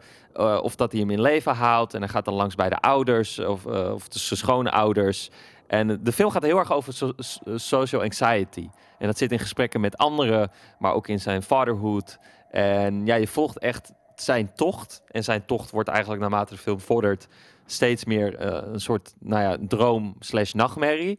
En het mooie aan deze film is, is ja, je kan hem in het, je, je kan hem niet echt let, als je het letterlijk gaat vertellen wat je gaat zien over hoe die op een gegeven moment in een riool komt en dan zingt een meisje met een soort eh, hamsterwangen, dan slaat het nergens op. Nee, nee. Maar als je snapt wat hij probeert te vertellen over iemand die cirkelt met fatherhood en so- so- social anxiety en noem maar op, dan wordt het wel steeds meer logischer eh, over het gevoel wat hij wil overdragen aan de Ja. kijker. En, eh, en wat deze film eigenlijk heel go- goed doet, is.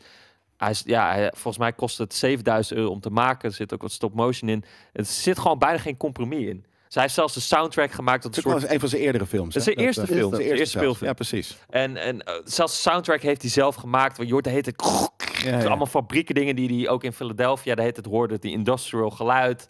En eh, ja, het zijn gewoon zijn dromen die tot leven komen. En dat is ook, het, het is bijna een soort voyeur dat we in andermans ziel kunnen kijken, zeg maar. Dus Ja. de diepste geheimen of de dingen die wij dromen, die eigenlijk net een beetje goor zijn of het kan niet, die komen hier dan... eh, En, en, en ik moet ook zeggen, ik ben, eh, weet je, ik, ik, ik, had niks met school. Maar Ja. er was één vak op school dat ik echt super vet vond. En dat was CKV. En dat was omdat we alleen maar, misschien dat ik gewoon een vette leraar ook, alleen maar dit soort shit ook voor ons kiezen kregen, weet je wel. En daarna inderdaad precies ook, zoals we nu doen in de podcast setting, daarover praten. ja, nice. Ja, nee, ja. Wat zien we hier? Eh, dit is Tree of Life. Eh dat is een film van Terrence Malick. En eigenlijk is het, ja, in essentie zou je, is het niet per se een surrealistische film, maar ik wou hem toch aan het lijstje zetten. Want de film is wel in een way een soort droom. En een soort waas. En het mooie aan deze film is ook hoe die gefilmd is. Ehm, het is met diezelfde DP die ook eh, The Revenant heeft gedaan. En dat zie je hier ook. Hele wijde lenzen, heel veel handheld, heel veel erop af, heel veel steadicam. Eh en het voelt bijna alsof we een kijkje nemen in iemands leven. Maar tegelijkertijd, en dat doet Terrence Malick heel mooi, is hoe hij een scène filmt, is hij danst met de acteurs. Zij pa- pakt bijvoorbeeld eh, onze hoofdactrice. En eh, die ziet op een gegeven moment een vlinder. En die loopt gewoon door een straat. En daar neemt hij dan echt een paar uur de tijd voor om die, om die eigenlijk ja, per ongelukke scènes echt te maken. En eh, ja, deze film, The Tree of Life, ga, het, het, het sikke is, het gaat eigenlijk over een gezin. En een, een, een zoontje sterft. En we zien eigenlijk hoe ze daarmee omgaan. Dus je ziet op een gegeven moment ook eh, een van die broers die dan ouder wordt, die zijn broertje heeft verloren. Eh, maar het is allemaal door elkaar gesneden. En halverwege de film zien we letterlijk het ontstaan van het universum. Eh, met een heel mooi klassiek muziekje eronder. En ja, kijk, als je de film dus ook heel letterlijk gaat vertellen, wat ik al eerder zei, dan snappen we het niet helemaal. Nee. Maar Ik je gezien. voelt wel wat hij Ja. wil zeggen. En dat vind ik heel sick. Want dat ja, het is iets ongrijpbaars. Maar dat, doet, dat is het medium film. Ik vond het heel kut, eh, totdat dus die, die vreemde scène erin kwam. Die, Mm. maakte het, die trok het zo vreemd uit perspectief, dat ik Ja. dacht... Want ergens is het gewoon inderdaad soort van... Brad Pitt is ook een asshole van een vader en, en wat dan ook. En dan op een gegeven moment heb ik zoiets van... Oké, maar waar zit ik nou te kijken? Want precies wat jij net zei van drama, andermans drama. Ik hoef daar niet naar te kijken in principe. Ja. Daar hou ik niet van in film. Ehm, maar dan kreeg je ineens inderdaad die soort van weirde, hele mooie eh, ge- geschoten eh, ja, natuur- of space shit. Dat ik zoiets van, hè, wat de fuck Ja, gebeurt ja. hier? En toen vond ik het interessant. Ik, Ja. ik, ik ken hem niet. Ja, het gaat echt gewoon over, ook over het leven en het ontstaan. En je, en je ziet letterlijk in die film dus het ontstaan van het universum. Daarna zie je het ontstaan van het aarde. En de aarde waren eerst vissen. En op een gegeven moment komen die vissen aan het land. En dan zie je de dinosaurussen. En, eh, en dan zie je in één keer dat kind wat geboren Ja. wordt. En ja, alles is gewoon een soort van aan elkaar gelinkt. Het gaat gewoon over de schoonheid van het leven. Ja, En, eh, En maar in het begin is dus ja, Is heel, het heel drama. serieus en drama. Ja. En ineens flipt dat. En toen had ik zoiets van, oké, best wel mooi, mooi gedaan. Ja. Ja, en het is ook heel zweverig. Dus wat Terrence Malick heel vaak doet, is hij... Je, je ziet iemand denken en je hoort uh, gedachtegang erover. Dus hele zachte, uh, Ja, ja. fluisterende woorden. En uh, ja, ik vind dit zijn beste film. En daarna, we hadden, die, hadden het daar net al over, is hij gewoon te erg doorgeslagen in zijn stijl. en heeft hij echt nog een paar keer van dit soort, maar dan compleet ongrijpbare films gemaakt. Welke? Wat, wat heeft hij ook weer nog meer al gedaan? Uh, ja, iets met The Sound of nog wat. Uh, ook met Champagne en ja, ik, de titels ont, ons, ontschieten me een beetje. Maar hij heeft twee films gemaakt die, ja... Minder lijp. Ja, bullshit films. Ja, nou, maar dat, sommige mensen zullen dat ook van deze vinden natuurlijk. Ongetwijfeld. Live, maar, Ongetwijfeld. Ja. Re regie, wacht heel even nog met inschakelen van Birol totdat we daarover beginnen. Ja. Anders ga je ons gesprek namelijk sturen. Het volgende uh, film die echt heel leuk is. Neon. Genesis Evangelion? Nee, nee, nee, nee, nee, nee. Ik ga nog eerst een andere pakken. En die heeft ook iets te maken met Game Kings. En uh, mijn tijd toen ik hier zat, Hmm. is uh, Melle oude bekende. Zeker. Eh, Ook filmliefhebber ja, natuurlijk. ja. Ik, was, ik was altijd veel met eh, Mella over films aan het praten. eh, en op een gegeven moment vroeg ik aan wat is je lievelingsfilm? Toen zeiden nou Veres, er is één film en die heb ik nooit af kunnen kijken. Omdat de film gaat over het einde van de wereld. En ik weet gewoon, het einde gaat me teleurstellen. Terwijl ik vind alles aan die film vet. En toen was ik heel erg benieuwd welke film dat was. Dat is eh, Southland Tales. En Southland Tales is de tweede film van Richard Kelly. Zijn eerste film is eh, Donnie Darko. Ah. Onwijs succes. Eh, terwijl eigenlijk, nou, toen hij uitkwam, eh, was hij deed niet heel goed. Maar gaandeweg werd een soort eh, ja, het is een cult, cultfilm. film. Ja. Ook voor go- gothic, gothic tienermeisjes wel. ja, basically wel. wel, wel zoals wij. Ja, maar ik vind het ook een amazing film hoor. Ja, ja, ja, en de soundtrack is ook echt heel goed. En Southland Tales heeft hij, heeft hij echt heel veel geld gekregen. En deze film is zo ontoegankelijk. Want om je een beeld te geven, ehm, de film speelt zich af over zes hoofdstukken. En de eerste drie hoofdstukken werden uitgegeven als comics. Die ook heel moeilijk Oké. verkrijgbaar kon krijgen. Dus de film eh, begon pas in hoofdstuk 4 tot en met 6. En, het, en eh, dat, ik, ik- dat is heel ik, weird. Ik ken meerdere franchises die dat doen. En Star Wars. en eh, de film heeft echt een bizarre cast. Dus The Rock speelt de hoofdrol. Eh, Sarah What? Michelle Gellar van eh, Buffy the Vampire Slayer. Wat Eh, is deze Just- film? Justin Timberlake. Ja, dat is het. Deze film is uit 2006. Oh, ook nog. Ja. Justin Timberlake, wat een vette Wow. Ja, ja, ja, en- ik wou net zeggen, what the fuck? ja, dus ze hadden echt een huge budget. En de film... eh, ehm, en de soundtrack is gedaan door Moby. Oh ja, en die guy Stifler van American Pie speelt ook een hoofdrol. Jezus. En, daar, en eh, die speelt twee rollen ook in deze film. Dus het is echt een compleet bizarre film. Hoezo ken ik dit niet? Hoezo kent de wereld dit niet? En, en het gaat ook nog eens over het eind van de wereld. Oh, het einde van de wereld. dat is al mijn shit. En The Rock speelt een pimp. En pimps don't commit suicide. Zegt hij erin. en ja, het zieke is, de film gaat dus eigenlijk heel erg over de maatschappij waar we nu in leven. Eh, dus we worden ten alle tijden bekeken en, en, en, en eh, niemand is meer veilig. En het was eigenlijk een beetje een soort toekomstvisie op eigenlijk de tijd nu. Hij heeft het best goed voorspeld. Ook ook. comedy dus. zie Het ziet er zo Ja, weird zwarte uit, man. comedy. Dude. Ja, maar kan, kan The Rock dit? Want, ja maar ik wat- vind dit de beste rol Wat van The ik Rock. hekel aan The Rock is, hij speelt alleen maar dezelfde character. Nee, nee, nee. Hij speelt film. hier een hele weirde soort eh social anxiety pimp. Eh, die een relatie heeft met eh, Buffy the Vampire Slayer. En ze hebben een pornofilm geschreven. Wat gaat over het einde van de wereld. En dan komt dat uit of zo. Het is echt een compleet bizar verhaal. De beelden zijn ook echt gruwelijk, man. Ja, en het, En het ziet er heel 90s uit. Voor 2006 film heeft het een hele Ja, het- aparte het is oh nee, ik stijl. vind het juist heel erg 2000. Ja? Het Ja, is wel ja. een film gedraaid. En ehm, ja, het sick is, de film is eigenlijk dus compleet geflopt. Dit is de meest geboet film in Cannes. En eh, dus de Cannes Cut, dus er, is ook een- er zijn ook twee versies, de Cannes Cut en de theatrical release. Eh, eh, ja, zijn, ja, het is gewoon echt een van de meest geflopte films aller tijden. Daarna heeft hij, hoe heet die derde film met hem, dat ze met dat pakketje aankomen, die, die Twilight Zone, nou, kom ik even niet op. Derde film met wie? van Richard Kelly, deze Ah, regisseur. ja. Nou, in ieder geval, hij heeft daarna nooit meer echt mooi tof shit kunnen maken. Maar deze film is vorig jaar opnieuw uitgekomen in 2K. Met de Cannes-versie, die de echte superieure versie is onder de hardcore fans. Ja. Eh, dus je kan hem eindelijk eh, weer bekijken in een goede kwaliteit. Dat ga ik dit weekend doen namelijk. Het is echt gruwelijk film. Fucking, ik, dat ik dit niet ken. En waarom heeft Mel hem nooit af kunnen kijken?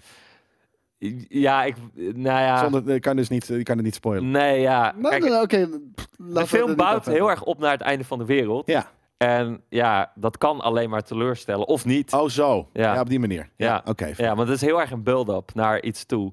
Eh, Ik bedoel, jij kan daar geen vraag over stellen. Deze man kijkt de laatste aflevering van Breaking Bad niet. Oh, serieus? Nee, want dan is het afgelopen. Ja, Precies dat- dat. Hij heeft alles gezien. hij, heeft, hij heeft vijf seizoenen geïnvesteerd. Ja. De laatste aflevering kijkt hij. Nee, want dan houdt Ik- het nooit op. Ik heb dus de laatste aflevering eh, van die Marvel-serie met die, eh, hoe heet het, met die Egypte eh, shit. Moon Knight. Moon Knight. Moon Knight heb ik niet gekeken. Nee. Want ik, want ik Hoef vond die ene laatste aflevering vond ik heel vet. Ja. Toen dacht ik, hierna gaat het weer kut worden. Ja. En, en je hebt Klopt. ook gelijk. Ik, ik moet zeggen, ik, ik, ik vind de serie aan zich, ik vond, ik vond het een leuke serie. Ja. Maar inderdaad, er, er zat een amazing episode in. En, ja, daarna, de eerste en de ene laatste vind Ja. ik vet. en, en daarna is het weer kut. inderdaad. Daarna was het, eh, ja. Dus eh, ja man, Southland Tales. Echt Amazing. goed bewaard Ja. geheim. eh, gaat kijken. Echt, dit weekend, ja. Ehm, de volgende serie ben ik wel heel benieuwd naar of jullie deze hebben gekeken. Het is een, een anime-serie. Ja, Ehm, zeker. Neo Genesis Evangelion. Fuck yeah. Doesn't get more anime than that. Hebben jullie dit gekeken? Ja, ja, ja. De, de serie ook, niet de Ja, ja, de serie. Het bijzondere eigenlijk, want kijk, eh, om heel even, ik, ik hou best wel van anime, maar ik haat robots eigenlijk. Dat klinkt een beetje stom, maar ik vind het gewoon niet hard.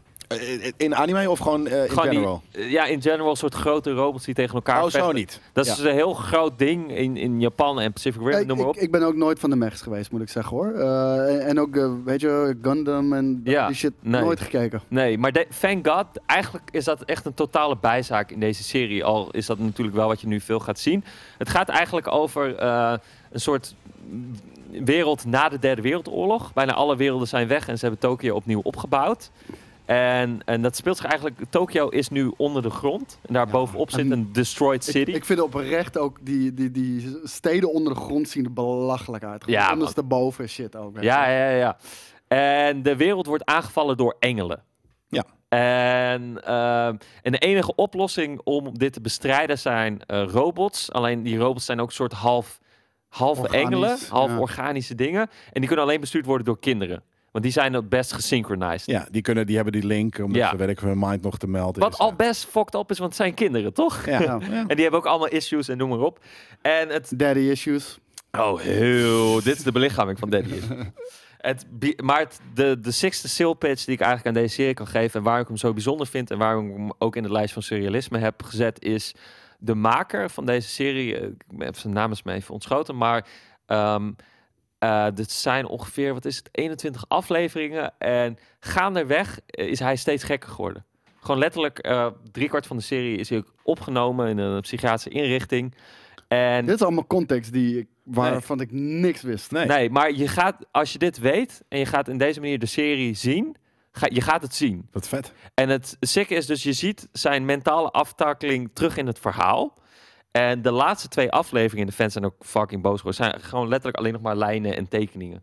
Er, zit, er is letterlijk niet eens meer echte animatie. Nee, precies. Het is helemaal, dat hele project is helemaal ontspoord. Dus What? basically, de, de, de, de serie is een kijkje in iemands ziel. En je ziet zijn ziel ontsporen in deze. en dat is waarom het surrealistisch is? Nou, daar, het is, je ziet zijn onderbewustzijn zo goed gevisualiseerd. Voor mij is deze serie de belichaming van depressie. Ja, precies. En ik zie zijn aftakeling van het begint heel mooi en je ziet een wereld, het is allemaal uitgelegd. En het wordt steeds bizarder en raarder totdat je het als kijker niet meer begrijpt. En Hmm. de laatste aflevering gaat eigenlijk, eh hoort, hoort het te gaan over hoe al, al die characters nog allemaal dingen moeten oplossen en noem maar op. Maar daar gaat het dus niet meer over. Het Nee. gaat gewoon over hoe hij denkt over de wereld. En eh, je ziet le- letterlijk. eh, ik wou echt dat ik dit had geweten toen ik het ging kijken. Ja, maar je, als je het nu weet en je kijkt het, je ziet het. Maar staat het nog op Netflix? Het Ja. staat, eh, dat is heel Dit sick. is de remaster volgens mij die we net keken. Sinds vorig jaar staat alles op Netflix. Ja, Ja. maar ja, ik wou net zeggen. Want er het- zijn twee ook jaar heel geleden. veel nieuwe reboots en restarts en, en andere eh, Films. se- series, films van. Ja, er is één film, die kan je eigenlijk daarna nog kijken, The End of E- Evangelion. Eh, en er is nog een film, een soort recap, die hoef je niet te kijken. En hij is dus nog, eh, er zijn nog vier films van, waarvan de vierde dit jaar net is uitgekomen op Prime. Ja. En Prime. eh, ja, die eerste twee films zijn eigenlijk basically gewoon de tv-serie. Ja. Met nog een paar kleine verschillen. En vanaf drie gaat hij full, full mental weer. Hij leeft nog wel. Hij is niet al. eh, hij leeft wel. Ja. Eh, ja, en hij deed ook de stem van ehm, die hoofdcharacter in The Wind Rises, die Ghibli-film, die, eh die vliegtuig-engineer. eh. Sowieso een hele vette guy ook. ehm. Nice. Ja. Dus eh, ja, Evangelion, man. Het is eh, echt Ja, een heel bijzonder anime. project. Ja, zeker. Hele vet anime. Eh, zo, Grappig ook dat die er dan tussen staat, inderdaad. Ja, want het is... Ik Het, zal hem even naar ja. ja, ja, ja. Ehm, ja, gaan we, ja, ik, ga, ik, ga, ik ga wel een paar dingen skippen, maar er zijn wel een paar pareltjes die ik nog met jullie wil doornemen. Nou, ik, ik, ik, ik, ik zag eh, Apocalypse Now staan. Ah ja, Waarom is dat surrealistisch? Nou, die, eigenlijk, het is een goede vraag. Nou, eigenlijk alleen al in de eerste openingsscène, man. Je ziet iemand liggen in een hotelkamer. Ja, is. Je hoort, eh dit is the end. En je ziet hem kijken naar boven. En je ziet hoe eigenlijk die, hoe heet dat? Die, die, die waaier overgaat in, in de helikopter. En, en daar vertelt de film al langzaam... Oké, dit is niet een... Ook al is het een realistisch film in een echte oorlog... Dit is het verhaal van iemand die langzaam gek wordt. En iemand Ja. achterna gaat En een fucking die gek cult is geworden. En een fucking cult heeft gestart. Oh ja, 100% man. En het sikke is, die, de regisseur... En het, ah, ja, het is een beetje hetzelfde verhaal als, de, eh, voor- als Neo Genesis Evangelion. Die is ook echt gek geworden terwijl hij deze film maakte. Er is ook Ja. een hele mooie documentaire over... ehm, En Marlon Brando ook wel. Dus en Marlon, was- Bra- maar was wel gek. Ja, Marlon. Brando was te dik. eh, dus daarom zijn alle scènes eh, met hem in een grot en veel te donker. Eh, Serieus? Ja, dat man. is de reden? Ja, Oh dat is de God. reden. Je ziet het allemaal in die docu. En Ja, kijk, deze film is gewoon de kwelling van een filmmaker die een onmogelijke film maakte van een onmogelijk boek. En, je zie, en de acteurs die zijn helemaal gek geworden, ook halverwege. En er waren, er waren jong, Martin Sheen die zijn hand nog breekt tegen een spiegel. Het- Ja. Is het ook echt in Vietnam opgenomen? En nee, het is eh, bij de Filipijnen of zo, volgens mij. Het zieke is ook, op een gegeven moment zaten ze dus in die helikopters met die, met die beroemde scène natuurlijk. En ze wisten dus niet of die, want die helikopters die werden toen nog gebruikt voor een oorlog, of ze wel of niet geladen waren. Dus het is echt, deze hele film is zo guerrilla en, Ja. en ontspoord. Maar uiteindelijk is het heel mooi in de edit weer bij elkaar Ja, gekomen. want je ziet het wel inderdaad. Ik wil de ja. nieuwe cut zien, want dit is de trailer van de nieuwe cut. Ook werd er geïntroduceerd in 4K gerestaureerd. Ik, ik wil deze nieuwe cut nog zien. Eh, Ja, de- deze cut is wel de beste. Dus eh, om je even een beeld te geven, je hebt de theatrical cut. Dan heb je de cut waar ze op een gegeven moment eh, langs die Playboy Bunny stoppen. En ook nog bij een soort, eh, ja wat is het, een Franse bezetting of zo. En dan hebben ze een heel lang diner van drie Ah, kwartier. shit. Inderdaad, dat zit Ja. niet in... Dat zit... Dat zit wel in de final cut. Oh, wel. Maar niet dat, eh, die Playboy scène. eh, ehm, Ja, nee, inderdaad. ja, Dus dat de- het is de, want ik vind die scène wel heel mooi. Maar het gaat gewoon over, over iemand die langzaam zijn mind verliest. En, en dingen worden gewoon steeds dromeriger. En kijk, voor Ja. mij is dat de essentie van eigenlijk een goede surrealistische film. Is een film waar we instappen als kijker. Ook, je begrijpt de wereld, je begrijpt de regels. En gaandeweg begin je alles te verliezen. nee, maar vooral ook deze wereld, weet je wel, oorlog. Een hele smerige Lawrence oorlog Fishburne. ook Ja, natuurlijk, weet je ja. Ja, nee, maar een hele smerige oorlog. Hoe, dat twist ook je fucking mind. En, en, en weet je, dat is niet voor niks. Alleen maar PTSD met iedereen die in Vietnam heeft gezeten. En je ziet ook, volgens mij was het, eh, Kurt is volgens mij een oud-generaal of zo Ja. hierin. Ja, oud-generaal die, eh, die eigenlijk eh, is ontsnapt en bij een inheemse bevolking Ja. gaat wonen. En hij, ja, he just went rogue. En Ja. hij wordt eigenlijk, eh, er wordt een team op hem gezet eh, om hem te assassinaten. Onder leiding van Martin Sheen Ja, natuurlijk. ja. En ja, gaandeweg, ook in de boottocht en overal waar ze komen en alles wat ze zien, beginnen ze steeds meer te denken, ja, waar- waarvoor is dit? Het is allemaal zo nodeloos en... eh, Ja, maar daarom, dat, dat, dat doet wat met iemand. Dat, Ja. dat, dat warpt je. Maar het is dus, ah, wat ik mooi vind aan Apocalypse Now is het is allemaal niet... eh, ik, ik krijg echt het gevoel alsof ik op een gegeven moment een, in een droom ga, in een droomstate. Nou, ja, ik, had- ik had dus nooit nagedacht over het feit dat dit best wel eh, surrealistisch is. Maar het begint, dit- die film is een fever dream. Ja. En zo begint hij zelfs. Weet je, Ja, inderdaad klopt. in die soort van, Maar- ligt daar te broeien met 40 graden onder zijn fannetje. Maar Ja. Maar oprecht is, is sowieso per definitie niet een oorlog surreëel. Eigenlijk als je ziet wat mensen elkaar aan kunnen doen, en deze oorlog Ja. is daar een perfect voorbeeld van. Dat voelt altijd, zeker wanneer je in de geschiedenisboeken leest, ook over nazi's en dergelijke. Dat voelt zo ver van ons af Ja. en zo surreëel. En ook dat met de blinde overtuiging, zo ben ik in ieder geval opgegroeid, zoiets kan nooit meer gebeuren. Ja, ja. Weet je wel? En het, het gebeurt nog steeds elke dag. Ja, ja, ja. Ja, nee, het is, het is heel weird. Eh, en ik, ik, ja, ik, ik, ik vind dit misschien wel een van de beste oorlogfilms. Is het ook. En Ja. het is, het is er, kijk, misschien ik- naast Full Metal Jacket. eh, En maar- Platoon, Ja, maar laten we die ook niet Maar daarom, er zijn drie van die films. Die zijn allemaal echt fucking goed. Ja. Full Metal Jacket inderdaad. En ehm, die drie films, maar voor- vooral ja, deze en, en Full Metal Jacket ook wel, dat, dat is echt one of the greats. Dit is een van Ja. de beste ja, films maar omdat, ze dat, omdat het op een gegeven moment zo dromig voor mij wordt. Ik Ja, vergeet ja, maar het is zo iedereen die erin zit. gefilmd. Dennis Hopper zit er ook ja. Dennis. Hopper was oh tijdens het draaien dus echt fucking stoned de hele Ja, tijd. de hele tijd letterlijk. Was Ja. totaal, en je ziet het ook. En daarom, het is, die film is helemaal ontspoord ook. En Ja. dat was heel lastig om te maken. En die documentaire gemaakt door eh, eh, zijn vrouw van Francis Ford Coppola is ook echt nog eh, de, de moeite waard om te kijken. Ja. En eh, Werner Herzog heeft ook nog een hele leuke documentaire over een mislukte film. eh over een hele grote stoomboot of zo die vast komt te zitten. Heel leuk ook. Ik vind het echt gruwelijk. Ja. Gruwelijk dat dit erbij zit. Ja, Ja, deze film dat is echt, ja, echt wel een van de beste films ooit. Ja. Nou, dat is een mooi bruggetje. Want dan gaan we naar mijn beste Beste film. film? Oh. Ja, dit vind ik de beste film ooit. Ehm Vlodder in Amerika. hey, dat is wel classic, man. Fucking goed. Het is ook een goede docu over Dick Maas trouwens. Oh, ja? Ja, man, eh, de Maas-methode gemaakt door Mattie van me. Het is echt heel leuk. Dick Maas heeft ook echt eh, in Amersfoort heeft hij dat hele flodder-ding ook nagemaakt. Ja, ja, ja. En eh, voor Alex van. Warmerdam, eh Noorderling, heeft hij ook een heel bos gemaakt. En dat was heel raar dat er in Nederland zulke grote sets werden gemaakt. Je- Want het is heel Amerikaans. We- weet je wat ik echt te belachelijk voor woord vind? Toevallig, ja, we hebben het nu over Dick Maas, maar ik, ik hoor steeds meer en meer geruchten en mensen die er ook om roepen om een Flodder reboot. Bitches, dat kan niet. Nee. Nee, kan dat niet. kan nu tegenwoordig Nee. sowieso niet meer. Nee. Met hoe PC Nee, maar los daarvan, Dat kan niet. Dat is lightning in a bottle. Ja, ja. Dat, dat, dat kan je één keertje doen. En, en de perfecte casting. Ja. Eh, Nee, daarom. Je kan het niet, niet beter Nee man, doen. nee man. Op een gegeven moment werd hij, die, toen die Kees overleed, toen was het ook wel over volgens mij, toch? Of Kees, hoe heet hij nou ook weer? ja, Koen Flink. Johnny, Koen eh, ja. die- Ik vond hem die ook beter dan die guy in de films. Ja, er waren twee verschillende guys. Eigenlijk. Ja. Ja. hij is voor mij gewoon de real ass Johnny, maar goed. Ja, same. Ehm, ja, mijn favoriete film eh, speelt zich eigenlijk een jaar af voor de maanlanding. Dus toen hadden we eigenlijk nog niet echt een goed beeld over hoe het aarde en hoe de universum eruit zag, visueel gezien. Dus we wisten wel waar alles zat. Ja. Eh, en dat, die kwam uit de 68 eh, door onze goede vriend Stanley Kubrick. Ja. Een van mijn favoriete regisseurs. Eh Ja. 2001 A Space Odyssey. Ja. Je hoort nu al de tune, hè? Oh my god, Ik, ik, ik, ik, ik zag al de beelden vooral. En Ja. dat is het ding. Ik zie, van- ik zie een baby in de ruimte zweven nu. Nou, ik ehm, heb altijd een very hard time met, de, met het begin. Snap Ik vind ik. het begin zo kut met, Ja. die, met die apen. En, Ja, die en- heeft ook de tand destijds niet goed... Totaal eh, niet. Nee, dat want het is zijn het. gewoon mensen in een apenpak. maar echt heel lelijk gedaan. Oh, en er ik, gebeurt ik geen kan daar gewoon doorheen kijken, man. Nee, ik, ik, ik skip die altijd. En ik, En ik daarna vind, ga ik ik vind juist die kijken. wat- weirdness shit, eh, met, met natuurlijk ook die, eh, ja, niet de obelisk is het. Wat, wat, wat- wat- Ja, ja, Monolith. Mo- Monolith, ja, Monolith, inderdaad. ja. En eh, ja, ik, ik hou van die hele fucking weirdness. Want deze film kan je echt acht keer kijken en je haalt er acht keer wat anders uit. Een heel, Ja. ander, heel ander statement. Dit, En wa- dit is de beste videoclip ooit gemaakt.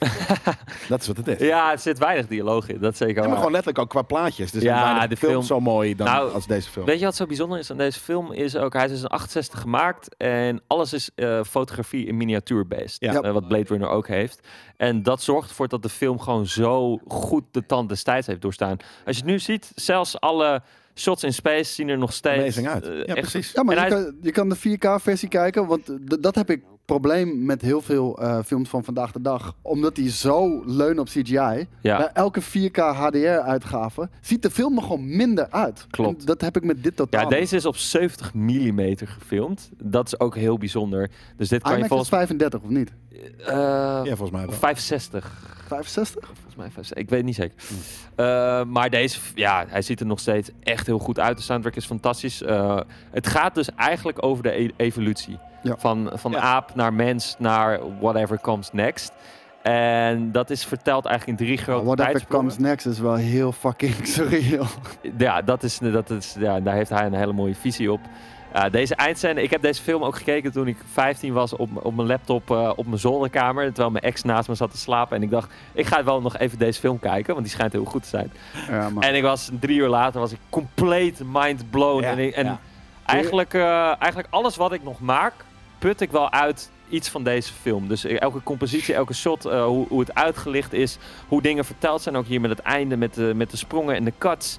Eh, er zit een heel mooi eh, eh, snijmoment in waar een aap een eh, skelet naar boven gooit. En de volgende cut is eigenlijk een spaceship in de ruimte. Dus de, de, de, het, het, het, het, het skelettenpot gaat over in een ruimteschip Ja. in één cut. En het is- ja, de- deze film was echt ver voor zijn tijd vooruit. En Dude. is nog steeds... de eerste keer dat ik hem keek, ik was flabbergasted. Ja. De- gewoon, ik had echt zoiets... Nee, maar gewoon niet op een hele positieve manier of zo, maar gewoon... What the fuck heb ik gekeken? Van, van, het was zo'n mindfucking trip. Ja. En, dan, Ja. en ik moet ik zeggen, ik heb hem best laat gekeken. Ik heb hem volgens mij voor de eerste keer, ik denk tien jaar geleden gekeken of zo. mm, 25, ja, zoiets denk ik. ja, ja. Maar, en begreep je het? Eh, de eerste keer nee. Maar De- vond je dat juist hard of vond je dat kut? Ehm, het, ik, ik heb dat met meer Kubrick-films zo hoor. Dat ik de eerste keer dat ik zoiets heb van. Hm? Ja. En, en dan, omdat iedereen maar blijft praisen dat dit een van de vetste films is. Dan, ik heb iets gemist. Het, en dan ga je, ga je het nog een keer kijken. Ja, en, en, precies. en, dan- en dat heb ik bij best wel veel films hoor. En, en dan, dan wordt hij gewoon steeds beter. En dat heb Ja. ik bij deze ook. soort, soort Elden Ring of zo. eh. dat als je maar lang genoeg eh, blijft spelen, dan wordt het leuk. Ja, nee, Ja. dat is misschien wel zo, ja. Nee, maar dat is wel, kijk, dat is wel het moeilijkste ook aan dit hele lijstje en aan dit genre. Dat eh, als je dit met een Marvel-film zou doen, eh, eh, als de kijker het niet begrijpt, dan, dan tunt hij vaak ook uit. Dus Ja. je moet ook wel echt, het vergt veel tijd en geduld en, en moeite om ook door te zetten en het af te. Heb je, Ik had dat met de Clockwork Orange ook de allereerste keer dat Ah, ik ja. het keek hoor. Ja. ja. snap ik. Heb je eh, Everything Everywhere All at Ja, Once gezien? zo goed. Dat is, is, dat, dat is dan ook surrealistisch, toch? Ja, ja, ja sowieso. Geen ja. geen Ja, die film is zo groot, maar tegelijkertijd ook zo klein en, en puur wat het wil vertellen. Ja. En dat vind ik zo sick aan, aan. En de editing is. Ik, ik heb echt lange tijd niet zo Dude, goed wij- een wij- film geëdit zien worden. Kijk, we, we zitten bij Marvel in de multiverse. En eh, een paar maanden geleden of zo, toen die eerste trailer uitkwam, toen, toen zeiden dit, dit is multiverse. Ja. Dit is A- hoe je die A24 fucking ook, shit hè? doet. A24. Oh my Precies. god. Ja. Dit, dit, ja, maar het zag geweldig uit. En ik moet hem nog steeds zien. Ik schaam me ook kapot. Maar eh, dit, dit is eentje die heel hoog op mijn lijst staat. Ja. Maar ik wacht op dit moment gewoon totdat er, zo- totdat er op een streaming service staat of zo. Of dat ik hem kan kopen. Ja, ja, ja, ja, het, is, wel- het groot scherm is wel echt fijn hoor. Bij die film. Ja, En ja. hard geluid. En, eh, maar je moet geen epilepsie hebben, want dan ga je helemaal bakwild heb, heb ik niet. Oké, gelukkig. Ja. Eh, de volgende film, eh, dit is de ene laatste. We zijn er al bijna. Eh, Stalker. Ik wil hem toch, ik wil toch een Tarkovsky erin gooien, ook voor de filmkenners of misschien mensen die het niet kennen. Eh, of misschien, misschien kennen ze wel de game en dan denken ze, oh, eh, wat, eh, Precies. wat is dat? Ja, deze film gaat eigenlijk over eh, een man, die, dit heet een stalker, en die smokkelt eigenlijk mensen binnen een, eh, verboden zone in Rusland. De exclusion zone heet het volgens mij. En in die zone gebeuren best wel gekke dingen, want eh, ze zeggen dat het al je dromen kan uit laten komen. Dus, ehm, maar tegelijkertijd is het helemaal military based en kan je daar niet zomaar komen. En het is, een soort government ding. Eh, dus als je echt wil, graag heen wil gaan, dan eh, ja, moet je deze guy betalen. Nou, volgens mij, even kijken. Ja, dus een, een bekende schrijver gaat mee. Eh, volgens mij ook een dokter. Ik weet niet meer precies wie het was. En de stalker zelf. En zij leggen, een to- tocht af in die exclusion zone. En gaandeweg wordt die film een droom. En dit is eigenlijk weer precies... Ja, dat is, dat is ook de rode draad in dit lijstje. Dat het begint vrij duidelijk. Ja. Maar het wordt steeds weirder. Dat is voor mij ook een van de mooiste overgangen aller tijden. Want de eerste een derde van de film is in een soort sepia tint. Ja, En dan komen ze in die exclusion zone. En dan Allemaal ploppen de kleuren op in één keer. lijp. En die kleuren zijn echt over eh, color grading en over film gesproken. Dit zijn echt de mooiste. Ik probeer deze kleur nog steeds te evenaren in mijn videoclips. En ik gebruik ze altijd als referentie. De, hoe, hoe groen en blauw het gras is, is het is echt precies de mooie tonen. Waarom wordt het een droom? Als in, is dat eh, omdat ze, weet ik veel, is, het- is, is Stalker, want de game-serie speelt zich natuurlijk af bij Pripyat, bij, bij, Ja. eh, bij eh, dingetje. Is dat omdat ze gewoon ziek worden? Nou, daar wordt niet echt antwoord op gegeven. Maar zij raken elkaar op een gegeven moment kwijt. En dan komen ze elkaar weer tegen. En ze hebben allemaal ja, hun eigen tocht en hun eigen visie over het leven. En daar praten ze ook over. Dus op een gegeven moment wordt hij ook wakker in het water. En hoort hij iemand anders praten. En liggen ze daar blijkbaar al uren. En eh, ja, dat is natuurlijk ook een ding van dromen. Eh, het tijdsbesef en het besef van waar je bent. de- dat raakt op een gegeven moment helemaal weg. Ja, net zoals in deze podcast. En net als deze podcast. Al Holy shit, we Twee, zijn uur, al, twee uur aan het lullen zijn. Ik wou dat zeggen. zijn we al twee uur aan het We lullen. zijn Ja, twee uur ik aan het wel, lullen. Oh mijn god. nou, ja, nou ja, dat is... Dus, eh, Ik denk ja. dat dit de langste is Ja. in, eh, in onze geschiedenis. Dus. Oké, I love it. Ja. Ik voel me vereerd. Ja, zeker. Ja, ja. Dan moeten we Die eigenlijk mag je ook eh, als eh, badge of honor Ik mag je neem die hem. dragen hoor. Ik neem hem. Ik, samen met het shirt, I'll take it. Ja. Ehm, de- Oké, nou dat Stalker, die wou ik gewoon even voor de film uh, snobisten, moest ik er even Ik opzetten. ben heel benieuwd wat je laatste film Mijn gaat laatste film is ik- eigenlijk ik, een- is ik een wil tip. niet boos worden. Nee. Nee, mijn laatste film is eigenlijk een filmtip. Eh, en, ehm, en, en het is een van mijn favoriete films van dit jaar. Ik heb hem ook... Oh my god, je gaat hem gewoon niet behandelen. welke? Blade Runner ga je niet behandelen. Nee, ik ga Blade Runner overslaan. Oh, We hebben het wel vaak over gehad. Ja, ja, maar Bla- Blade Runner is... het is een van mijn favoriete films of all time, man. Ja, ja, Oh ja. God. Nou, we kunnen even... Wil je hem behandelen? Even kort. Hij heeft het Hoe, gaan we even goed. kort eh, door Nee. Blade Runner heen? Ja, heel moeilijk, maar eh, nee, voor mij is Blade Runner... ja, dit, dit, dit heeft voor, voor mij denk ik sci-fi aangewakkerd. En eh, Ja. die hele cyberpunk-stijl waar ik, eh, waar ik echt aan verslingerd ben geraakt. En een van de redenen waarom ik ook voor die game gewoon zo fucking hype was, was dit. En om heel eerlijk te zijn, Blade Runner, eh, als je het hebt over CGI en practical effects... Blade Runner, de originele Blade Runner. Vooral de, de, de, de shots door de skylines heen. Hmm, Die zien, je zit heel moeilijk te kijken. Ja, nee, dat- wat je nu gaat zeggen klopt niet. Jawel. jawel. Prachtig. Oh, je bedoelt met de Final Cut dat het vervangen is? Tand destijds totaal niet door. eh, Ja, maar nu wel. Zeker met wel. de Final Cut wel. Ze hebben wat dingetjes vervangen. Ja, Hmm. moet ik wel. eh, dat is een heb- beetje cheaten, maar. Twee of, twee of drie jaar geleden denk ik dat ik hem eh, eh, Ja? nog een keer heb Ik heb hem gekeken, ook de gekeken. oude. Maar Ja. nee, ik- ik- een ouderwetse. En het was al slow, wat niet erg is. Nee, ik heb het niet over slow. Ik heb het over hoe de stad eruit ziet. En eh het is heel veel compositing die ze gebruiken daarbij. Ja, Maar ik, ik heb ook de Final cut alleen. eh want die ja heb die ik is op wel echt mooier dan de oude versie. Eh, ook de stad daarachter, daar hebben ze wel nog dingetjes aan toegevoegd. Maar wat ik heel vet vind aan eh, Blade Runner, om toch nog heel kort, eh, ook al is het onmogelijk erover te hebben, is het is een hele filosofische film, Ja, zonder dat het on the nose soort Bergman, Bergman, of ja, Het, het kan meerdere dingen zijn. ja, en ook in de verschillende dialoog, want het gaat gewoon over de essentie van wa- what makes us human. Weet je, zijn het de Ja. herinneringen, eh, zijn het wat we doen, waar we leven. En dat twee doet het al helemaal, vind ik mooi. Weet je, want er wordt verteld vanuit een Android. Eh, nou, Nou, nou, ja, dat nou, is in één nou, is het kijk, inderdaad nog de vraag of Deckard een Android is. Dat wou ik zeggen, Ja, inderdaad. ja, Van de, die reveal op het einde met die fucking unicorn. eh, Ja, maar het is dus anders in de verschillende versies. Want je hebt I ook een know. versie dat ze wegrijden en dan krijg je die, de shining shots. Eh, Waarom is dit surrealistisch? Omdat ook deze film We kijken Eh, trouwens naar beelden van eh, eh, 2049. 2049 inderdaad. Ook vet, maar niet eh, waar we... Wo- wordt op een gegeven moment. ehm, kijk, het is wel. Die wereld bestaat echt. Alleen de, de personage en de gedachtegang en de reis die hij maakt. worden gewoon heel dromerig. Dus als je zit te kijken naar de eerste keer als hij die eh, eh, chick ontmoet in eh, Blade Runner 1, dan gaan die curtains dicht en dan zie je die elf vliegen en hoor je Vangelis opkomen. En je ziet heel veel rook en je ziet gewoon staren. En op een gegeven moment heb ik niet het idee meer dat ik naar een soort Scorsese-film zit te kijken met echte acteurs. Maar meer dat ik in, een soort waas ga en dan zie je Dekker dromen over een unicorn. En dan gaat hij daarna op de piano spelen. Eh, De film wordt op een gegeven moment gewoon steeds eh, ongrijpbaarder voor Ja. mijn gevoel. En, maar kijk, eh, kijk, kijk, dat is... Kijk, Ik, ik surrealisme- zie het gewoon als gekke sci-fi. Omdat- het is gekke cijfer, maar ik vind surrealisme ook geen genre, maar meer een gevoel. Ja, ja. En dat vind ik, ik denk dat Blade Runner hit voor mij persoonlijk die sweet spot waar een geluid, beeld en ook dus dat dromerige wat ik heel erg zoek in films daaruit komt zonder dat het niet te begrijpen is. Ja. Dus het laat letterlijk ook in één, het vertelt niet alles. Dus ja, is Deckard wel of niet een Android, dat wordt nooit uitgelegd. Maar je voelt het wel in een aantal dingen. Dat vind ik gewoon vet aan die film en dat maakt het voor mij zo tijdloos. Ja. En, en ook over films gesproken die dus eh, op het begin kapot zijn gemaakt. Dit was er één van. Ja.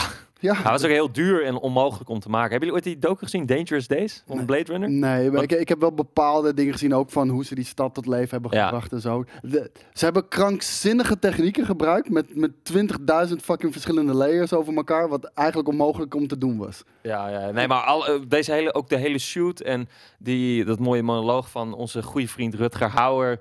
eh, die heeft Amazing, die heeft Ja. dus opgenomen dat hij eerst zes uur lang over daken moest springen met stromende regen over hem. Dus het was echt, eh, ze hebben, gingen echt zwaar over tijd, de hele nacht doorhalen. Dus iedereen was echt op het eind van hun Latijn toen ze deze film hadden gemaakt. En Maar, maar de- de- Ja. deze film is zo interpretabel op zoveel dingen. Inderdaad, zoals je zegt, filosofie. Weet je wel, wat is leven? Wat is bewustzijn? Wanneer ben je een mens? Ja. Want, want we kunnen ook mensen maken, weet je wel. ja, en de robots zijn voor mij dus menselijker dan Ja. de mensen. Sowieso. Dat vind ik wel. ook het sikke. En dat is natuurlijk die, die lijn. eh, Die willen ook gewoon leven, hè? Ja, ja, ja.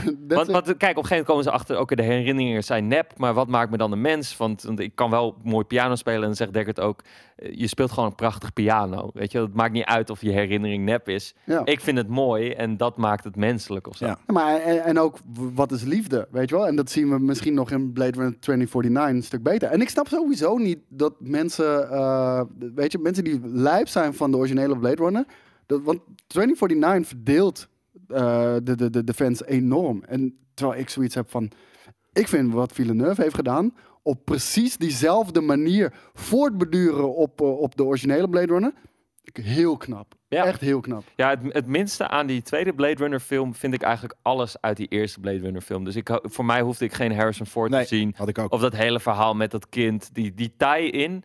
Die wereld is al zo rijk en Ja, werkt precies. gewoon dat dat elke keer, dat hield me een beetje uit. Nou, ik, ik vind die ontdekkingstocht van Cave vind ik wel heel hard. Ja, het, het vetste is, eh, maar ik weet niet of we dit kunnen spoileren, dat Mm. hij denkt dat hij iets is. En hij eindigt eigenlijk met dat is allemaal leugen. Hij, hij komt tot, ja, hij komt soort van tot ontdekking en dan, weet je wel, van, eh, is het, is het?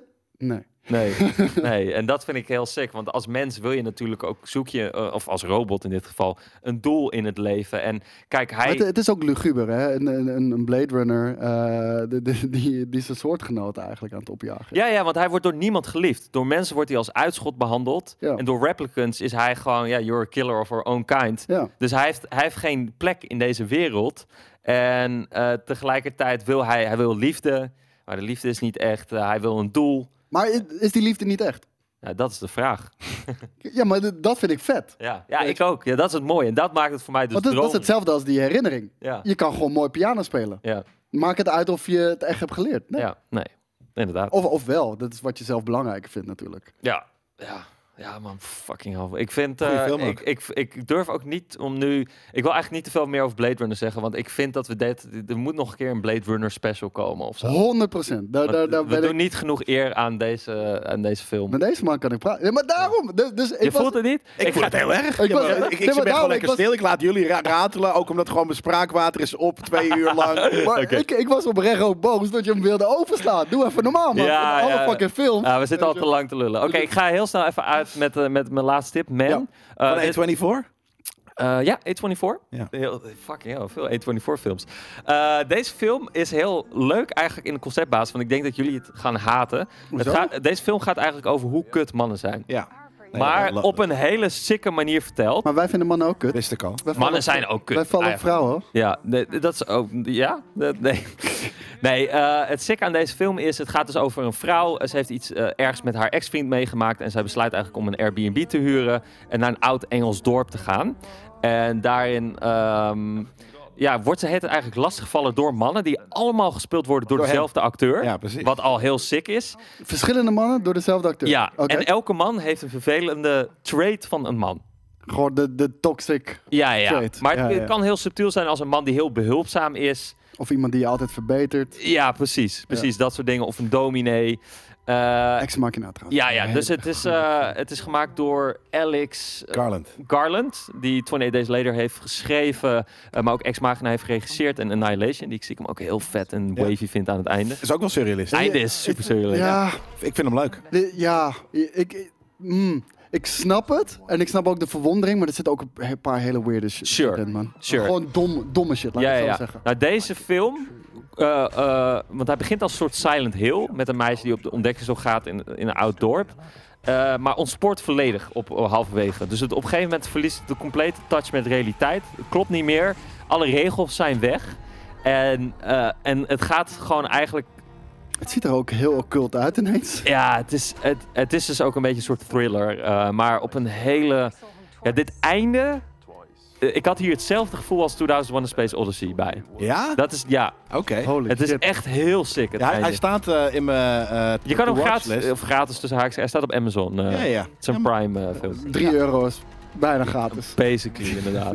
Hij staat inderdaad al een tijdje in mijn, in mijn watchlist eh, to watch eh, eh, klaar. Ja, Maar je moet hem echt gaan kijken. Deze intrigeert me echt Het is, eh, het is mijn eh, favoriete film van dit jaar. En eh, heel sick. En heel simpel ook in concept en alles. Dus alles klopt gewoon.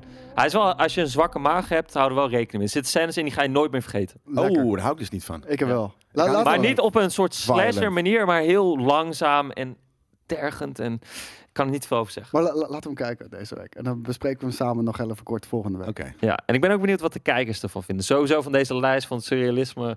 eh, en of ze Ja. meer arthouse willen in nerd, nerd Dat culture. willen ze wel, dat zeggen ze altijd. Maar dan doen we een keer iets met heel veel arthouse en dan, En dan wordt er niet naar niemand. gekeken. Nou, we gaan het meemaken. Dit is Ja. de test. Nee, omdat jij erbij zit is dat natuurlijk wel zo. Dan Ja, wordt het ja. wel eh, ineens goed bekeken. Maar nee, Ja. dat, eh, eh, natuurlijk willen mensen dat. Nee, ik vond het een vette lijst. En vooral Southland Tales, eh, Tales daar, daar ben ik echt vooral heel Ik ben benieuwd wat fucking- je ervan heel fucking vindt. En van het einde. Of Ja. je, je kan hem ook stopzetten hè, bij de laatste Ja, hoofdstuk. misschien ga ik dat doen. Ja, Ja. dat Dat zou heel erg jelle zijn. En, Ja. en oprecht, ik ga het je nogmaals zeggen. Kijk de laatste aflevering van Breaking Bad. Want het loopt niet af zoals je denkt Nee, dat het hij is afloopt. heel mooi. De laatste aflevering is echt heel goed. Ah, Ja. Ja, Kijk, die kan je gewoon ook, kijken. Ook letterlijk die laatste aflevering. En dat, ik ga niet filosofisch doen of zo. Die is open voor interpretatie. Oké, Ja, dat ja. wist ik niet. Ja, ja, die kan je gewoon... Nee, daar, omdat je niet hebt gekeken. Ja, nee, fair. Ja. Dus eh, ja, het is echt een mooi lijstje. Ik kan me hier helemaal in vinden. Ik moet zeggen, ik, ik ben nu het meest geïntegreerd door Man. Ik, ik, ik vind die Ah, vet. trailer ziet er amazing uit. Ik vind het al heel weird dat die guy echt hele verschillende guys ook, eh, ook Hij, speelt. hij zijn echt ook hele goede acteurs. Die chick ook. Ze speelt ook in uh, chick of Ending niet. Things of zoiets. Oké. Die eh, Kaufman film. Eh, Netflix, maar pff, een fantastische actrice ook. Echt heel leuk. Cool. Ja man. Nice. Ik eh, wil je bedanken voor Ja, het jullie bedankt. Zeker weten. Ik wil je feliciteren met het record langste aflevering van Nerd Culture. Ik ben er blij mee. En ik ga ook als eh, luisteraar, ik ga jullie nog veel checken. Ik hoop dat Nerd Culture nog heel lang mag doorbestaan. En eh dit is een goed, goed initiatief, jongens. Ja, Thanks, thanks. Dat, vast, dat zijn eh, we zeker van plan. een tijd weer een keer aanschuiven als je wil. Ja, ja, Als je ja, een vet, sowieso, eh, vet sowieso. ander onderwerp hebt of wat dan ook. Ja, de vol- eh, vol- volgende keer als ik hier ben, dan heb ik een film gemaakt. En dan, en, nou, en dan mag ik, moeten jullie een review en heel Dat, en dan ga jij ernaast zitten. Ah, dat is heel grappig. Dat jij, dat jij hier Dat is wel zit. hard, laten we dat dat wij doen. het Dat is de meest ongemakkelijke shit. Ja, dat was hier leuk. Het is wel een goed conceptueel past ding. wel. Ja, Maar- ik, ben, ik ben er down voor. Ja, ah, iemand die Veras kent, die weet dat hij heel goed gedijt op ongemakkelijkheid. Ja, ja, dat is waar, dat is waar. Dus dat, ehm, je bent bij deze officieel een vriend van de show. Thanks. Nice. En eh, ook de mensen thuis natuurlijk bedankt voor het luisteren, kijken, wat je ook hebt gedaan. En tot de volgende week.